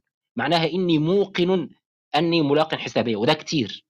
إن اللفظ بيدل على الشيء ونقيضه في بعض الألفاظ في اللغة وفي لغات تانية كمان. إن اللفظ بيدل على الشيء ونقيضه. فالقرء بيدل على الاثنين. فلو رجح أي واحدة منهم رجحها بالظن الغالب. فهذا تشريع بالظن الغالب مش تطبيق. هيصبح الحكم نفسه أنت فهمه بالظن الغالب. رقم اثنين ولا يحل لكم أن تأخذوا مما آتيتموهن شيئا إلا أن يخافا ألا يقيم حدود الله. ما معنى حدود الله هنا؟ ألا يقيم حدود الله اللي هو الصيام مثلا؟ يعني والله لو هو آه، لو لو, هو ما بيصومش خذوا مما لو هي ما بتصومش خذوا مما آتيتموهن شيئا فإن خفتم ألا يقيم حدود الله فلا جناح عليهما فيما افتدت به. يعني لو هو ما بي إيه آه، ما بيغتسلش غسل الجنابة حلو يبقى لا جناح عليها فيما افتدت به. إيه المقصود بحدود الله هنا؟ إحنا عارفين إن حدود الله هنا الجماع. طيب أي إجابة سيجيبها؟ سيجيبها بالظن الغالب وهذا تشريع بالظن الغالب. فإن طلقها فلا تحل له اكتبوا ده كمان. فإن طلقها فلا تحل له من بعد حتى تنكح زوجا غيره. فإن طلقها فلا جناح عليهما أن يتراجعا. اللي هو يا جماعة واحد طلق مراته ثلاث مرات. ما ينفعش يتجوزها غير لما تتجوز واحد تاني. وبعد كده لو الواحد التاني ده طلقها ينفع تتجوزه. بس بدون النية. يعني بدون المسرحية بتاعت عادل إمام. لو بالنية يبقى تيس على طول. يعني لو اتفقوا مع بعض يبقى تيس ذلك التيس المستعار على طول. حلو. طيب أين هذا في الآية؟ تنكح زوجا غيره بنية التحليل أم بدونها؟ يعني والله لو هم عملوا زي مسرحية عادل إمام بالظبط طلقها ثلاث مرات حلو فراحوا جابوا المحلل قالوا له أنت هتتجوزها عشر دقايق وهتطلقها عشان ترجع لجوزها وأدي 10000 جنيه أهو ده ينفع ولا ما ينفعش؟ الآية تجيز هذا الآية لا تجيبه لكن تجيزه الآية بتقول فإن طلقها. سواء نوى بطلاقها أن يجعلها حلالا لزوجه الأول لزوجها الأول أم لم يرد فالنية هنا نية التحليل جائزة أم حرام؟ تنكح زوجا غيره بنية التحليل أم بدونها؟ يحل لها أن تتزوج زوجا غيره بنية أن يحللها لزوجها القديم أم بدونها؟ وإن طلقها بنية التحليل جاز. طب يجب أن يطلقها بدون نية التحليل. إن رجحت رجحت بالظن. وهذا تشريع بالظن الغالب. طيب والدليل الرابع والذين يتوفون منكم ويذرون أزواجا يتربصن بأنفسهن أربعة أشهر وعشرة. حلو كده؟ والله يا هدهد لو هم قالوا إن هو مش مرفوض نقول إيه الدليل القطعي؟ مش هيلاقي دليل قطعي. الآية مش دليل قطعي الآية بتجيز. يعني ينفع تتفهم كده وينفع تتفهم كده. فإن طلقها والله طلقها بنية ماشي طلقها بدون نية ماشي. فلن يجيب ولن يرجح إلا بالظن الغالب وهو ده, الم... ده, ده الإلزام. طيب ربنا بيقول والذين يتوفون منكم ده الدليل الرابع ويذرون أزواجا يتربصن بأنفسهن أربعة أشهر وعشر أربعة أشهر بأشهر العرب ولا بأشهر العجم. قولوا لي بأشهر العجم ولا بأشهر العرب؟ هتقول لي أصل في آية مثلا بتقول لك إيه آه الحج أشهر معلومات فهنا احتج بأشهر من الأشهر المعلومات عند العرب. هقول لك وما الدليل؟ أنه لما احتج بها هناك أراد الاحتجاج بها هنا. يقينا لا ظنا. فإن غلبتني لم تغلبني إلا بالظن الغالب. فتكون قد أجزت التشريع بالظن الغالب. الدليل الخامس آه وأمهاتكم اللاتي أرضعنكم وأخواتكم من الرضاعة. طيب هل الرضاع المحرم له قدر؟ إحنا قلناها دي. ولا الرضعة الواحدة تكفي؟ إن احتججت بحجية اللغة احتججت عليك بالعرف. فلن تغلبني يوم تغلبني إلا بالظن الغالب. وهذا تشريع بالظن الغالب. في أصل الحكم الشرعي لا في تطبيقه على الناس. فإحنا دلوقتي مش عارفين اللي هو الرضاع هيبقى رضعة واحدة أو أكثر من رضعة واحدة. مش عارفين الشهر شهر أفرنجي ولا شهر عربي. مش عارفين الطلاق هنا طلاق بنية التحليل أم بدونه. مش عارفين القرء هنا طهر أم حيض على سبيل اليقين يعني. فالترجيح بالظن الغالب هنا. الدليل الخامس وأمها آه، وأمهات الرابع الخامس اللي إحنا قلناه أمهاتكم التي أرضعنكم وأخواتكم من الرضاعه تكون أختك بالرضاع بالمجة الواحدة بالمصه الواحدة؟ إن أجبت لم تجب إلا بالظن الغالب. فده في أصل الحكم مش في إنزاله على الأعيان. مش هل دي رضعت خمسة ولا رضعت أربعة ولا رضعت واحد؟ آم، آم، فلانة بتقول ده رضعت كتير وفلانة بتقول ده ما رضعتش خالص. هنا في ظن في تطبيق الحكم على البنت دي. إحنا ما بنتكلمش على الظن في تطبيق الحكم على المكلف. إحنا بنتكلم في القانون نفسه. القانون مش محكم الدلالة. القانون ظني الدلالة. يوصيكم الله في أولادكم للذكر مثل حظ الأنثيين. هنا الذكر الذي هو ابنك من صلبك ولا يشمل ابنك من الرضاع؟ ابنك اللي هو من مراتك اللي أرضعته كمان ده يعتبر ابنك من الرضاع. أم ستقول لا يجوز ليس هناك ابن من الرضاع وإنما فقط هناك يعني ابن للأب من الرضاع وإنما ابن للزوجة من الرضاع. بمعنى يا جماعة إحنا لما نقول إن في واحدة رضعت طفل أصبح ده ابنها من الرضاع صح كده؟ طيب جوزها أبوه من الرضاع طالما هي دي امه من الرضاع يبقى ده أبوه من الرضاع. ولا هذا لا ترونه؟ إن قلتم ليس هناك أب من الرضاع لم تقولوا هذا إلا بالظن الغالب. يعني أنتم لا تملكون دليليا قطعي دليلا قطعيا عليه. فإن أجبت لم تجب إلا بالظن الغالب في أصل الحكم. فالحكم هنا ظني الدلاله ولن تقطع فيه برد وإنما ستحكم فيه بغلبة الظن. الدليل السابع وأن تجمعوا بين الأختين إلا ما قد سلف. الأختين من الصلب ولا الأختين من الرضاع أيضا. إن أجبت لم تجب إلا بالظن الغالب. دول سبعة النهارده والباقيين إن شاء الله جايين في جواز التشريع بالظن الغالب. تمام؟ إحنا بقى كمان إحنا ما عندناش الكلام ده. إحنا كمسلمين الأمة عملت واستقر عملها منذ البداية على حاجات كتيرة فتحول هذا فعل النبي وأصحابه تحول إلى واقع عملي. عشان كده إحنا حتى ما عدناش محتاجين ل إن إنك أنت تقرأ الحديث من كتاب البخاري. الح- الحاجات دي كلها عمل أهل المدينة وعمل الأمة أصبح واقع بيتناقل جيل عن جيل ولا يحتج علينا بالنصارى بأنهم تناقلوا جيلا عن جيل. مسألة الصلب فقد أجبت عليها مرارا وبينت الفرق آخر حاجة هضيفها وهي مش طويلة آه، في موضوع تدوين ال- الحديث. تدوين ال- السنة. إحنا كنا ذكرنا آه، الأدلة الحاسمة على أن النهي عن تدوين السنة كانت علته المصلحة الراجحة لا لأن تدوين الأحاديث حرام. وبينا بما لا يدع مجالا للشك إن لا علاقة بتدوين السنة بمسألة حجية السنة. وبينا جبنا آه، 13 آه، صحابي والنبي صلى الله عليه وسلم وعامة الصحابة أن النبي صلى الله عليه وسلم أمر نهى عن الكتابة وأباح الكتابة وأمر الكت- بالكتابة عمل الثلاثة مع بعض.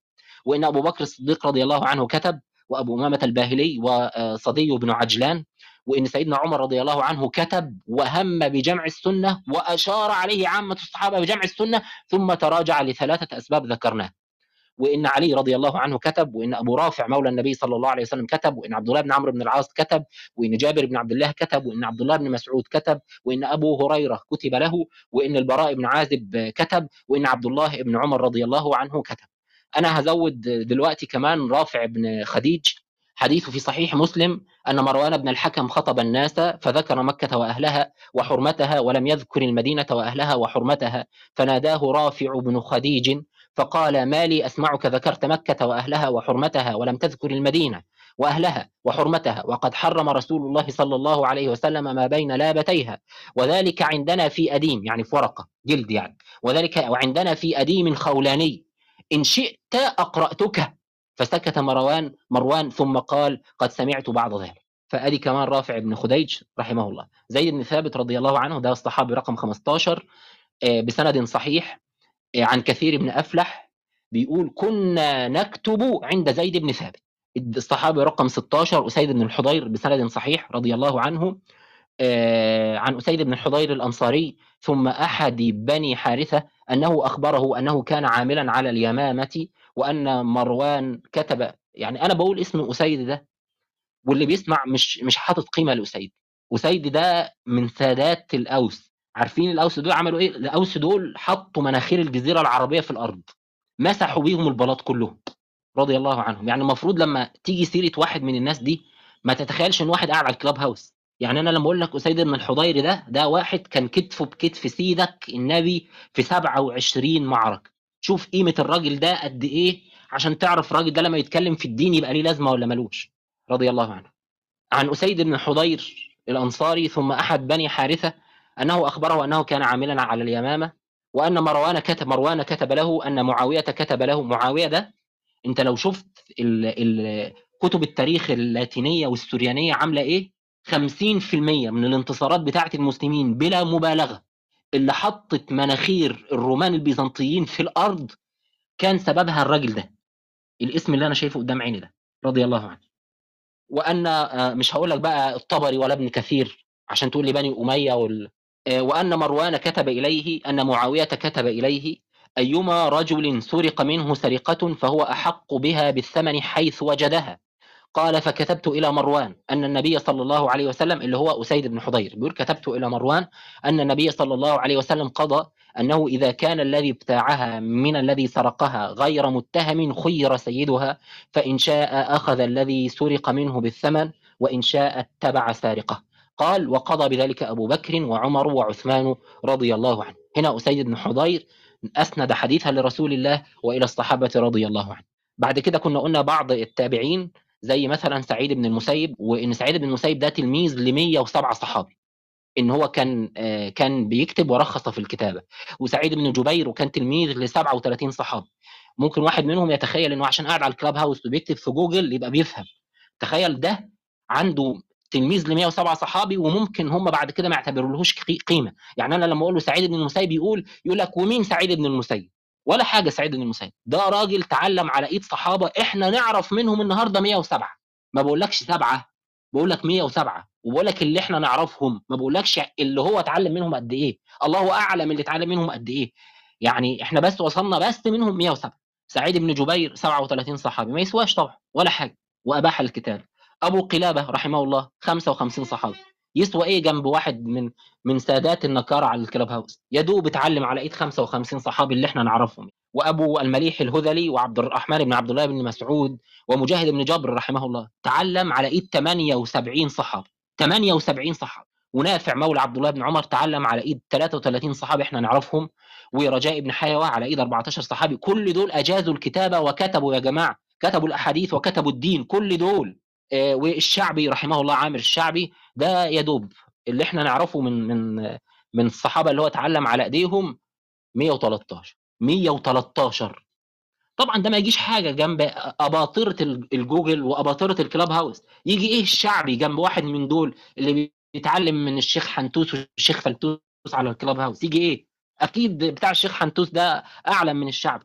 هو أنا لما أقول لك إن الشعبي تلميذ ال 113 لما يقول لك اكتبه ولو على حائط يسوى كلامه حاجة ولا حاجة خالص. عطاء ابن أبي رباح ده تلميذ ل 62 صحابي. بعد كده هضيف النهارده كده دول كام واحد يا جماعة؟ أدي عندك آه كام واحد؟ آه ادي واحد اتنين تلاتة أربعة خمسة ستة سبعة تمانية تسعة عشرة. دول عشر من كبار التابعين. نجيب واحد من الناس اللي ما تسواش برضو من ضمن الناس اللي ما تسواش رقم 11 كثير بن مرة عارفين اللي ما يسواش دول يا جماعة؟ يعني أنا لما بكلمك عن كثير بن مرة ده ده كثير بن مرة ده وهو قاعد في بيتهم بيتفرج على التلفزيون على خيول المسلمين في مدريد. عز! ناس في السماء ويجي واحد ما يسواش 3 مليم يتكلم عنه. يقول لك دول ما يسووش حاجة. ده هو كان بيتفرج في بيتهم على الجيش اللي طالع من بلده وهو في مدريد في مجريط في الأندلس هناك. والله العظيم عيب. أنا لما أتكلم على الناس دي طب يا أخي خلي عندي شوية دم. لما ابقى أنا متقدم عسكريا ولا عندي عزة ولا متقدم علميا الأجيال اللي هم الأجيال دي يا جماعة أنت لو شفت أي موسوعة في تاريخ العلم هتقول لك إن أشهر علماء في الجغرافيا والفلك والهندسة والطب وغيرها من القرن السابع للقرن ال 15 مشارقة وأغلبيتهم مستحقة عرب. فإحنا لما بنتكلم عن الأجيال دي إحنا بنتكلم على ناس راسها في السماء في كل حاجة. كثير ابن مرة ده مش واحد آه، أمريكا بت بتوكله وبتشربه. كثير ابن مرة ده مش واحد روسيا مسحه بكرامة اهله البلاط وبتقتل من من اهله صباح مساء. كثير ابن مرة ده مش من أمة اليهود راكبين على قفاها وبيقتلوا منهم كل يوم. كثير ابن مرة ده من ناس هزموا الصين شرقا وهزموا أسبانيا والقطر الغربيين غربا. عشان بس لما تيجي تتكلم عن الناس ده تعرف أنت فين وهم فين. المهم كثير ابن مرة ده راجل ما يسواش حاجة. ده حيالله أدرك سبعين صحابيا من أهل بدر. عارف يعني إيه؟ سبعين بدريا. أنا ما بقولكش سبعين صحابي. أنا بقول لك سبعين واحد من أهل بدر. أهل بدر اللي هم قمة الهرم. ده غير الفكة بقى غير بقية الصحابة التانيين. يسوى إيه ده جنب واحد منهم بيعرف يكتب على جوجل؟ ولا حاجة طبعا. بيقول إيه كثير؟ آه بيقول حدثني يزيد بن أبي حبيب أن عبد العزيز بن بن مروان ابن مروان كتب إلى كثير بن مرة رحمه الله الحضرمي. وكان قد أدرك سبعين ب- بحمص سبعين بدريا. من أصحاب رسول الله صلى الله عليه وسلم. قال ليث وكان يسمى الجند المقدم الشجاع. قال فكتب إليه أن يكتب إليه بما سمع من أصحاب رسول الله صلى الله عليه وسلم من أحاديثهم. إلا حديث أبي هريرة فإنه عندنا. هيكتب له أحاديث اللي سمعوا من الصحابة بس ما يكتبلوش حديث أبو هريرة لأن أحاديث أبو هريرة موجودة اوريدي اللي بعده آه، أبو تميم الجيشاني ده غلبان. أبو تميم الجيشاني بسند فيه ابن لهيعة رحمه الله وأبو آه، ابن لهيعة ثقة لكن الحفظ بتاعه فيه بعض الاضطراب. قال كتب إلي عبد الله بن هرمز آه، مولى من أهل المدينة يذكر عن أبي هريرة أن رسول الله صلى الله عليه وسلم قال من تبع جنازة فحمل من علوها وحث وحثى في قبرها وقعد حتى يؤذن له آب بقيرتين من الأجر كل قيراط مثل وده فعلا ده حديث صحيح. إيه اللهم صل على النبي. إيه هنا استجاز آه، أبو تميم الجيشاني أن يكتب إليه هذا المولى هذا الحديث ولم يراه حراما. أبو تميم ده غلبان ده سمع من ثمانية بس. فهم أحسن منه طبعا الناس اللي على الكلاب هاوس أحسن منه. بس. جزاكم الله خير. تفضل يا دكتورة لو حابة تقولي حاجة. والله ربي يا دكتور الله يبارك لك ويبارك بعلمك. آه أنا إن شاء الله المحاضرة هاي يعني برضو حفرغها أنا فرغت لك على فكرة محاضرتين بس عندي على. عندي على الورق يعني مش مسجلتها على كمبيوتر أو شيء. أنا برضو هاي حفرغها آه شملت كل الأدلة اللي في الآية في القرآن الكريم اللي فيها آه اللي فيها آه يعني دلالة على حجية يعني على أصل حجية السنة. فما بعرف أنا يعني عارف وأنت عم تحكي يعني في شيء بيوجع القلب إنه إحنا عم نضطر نثبت لمسلمين؟ يعني نضطر نثبت لمسلمين إنه آه، الرسول صلى الله عليه وسلم لازم ناخد كلامه وإنه له حجة علينا. فالشيء محزن والله يا دكتور أحمد. بس بفضل الله الأدلة موجودة وواضحة وقاطعة. وربي يبارك لك والله. أنا ما يعني ما عندي إضافة بصراحة. يعني ما عندي إضافة. يعني أنت كفيت ووفيت والله. وإن شاء الله هاي جزاك الله دكتورة هو فعلا حاجة تحزن والله. إن أنا محتاج أقول له تمام يا دكتور يا ريت والله. وأنا هنزل ال- اللي فات ده كله بكره في المحاضرة الجاية بإذن الله.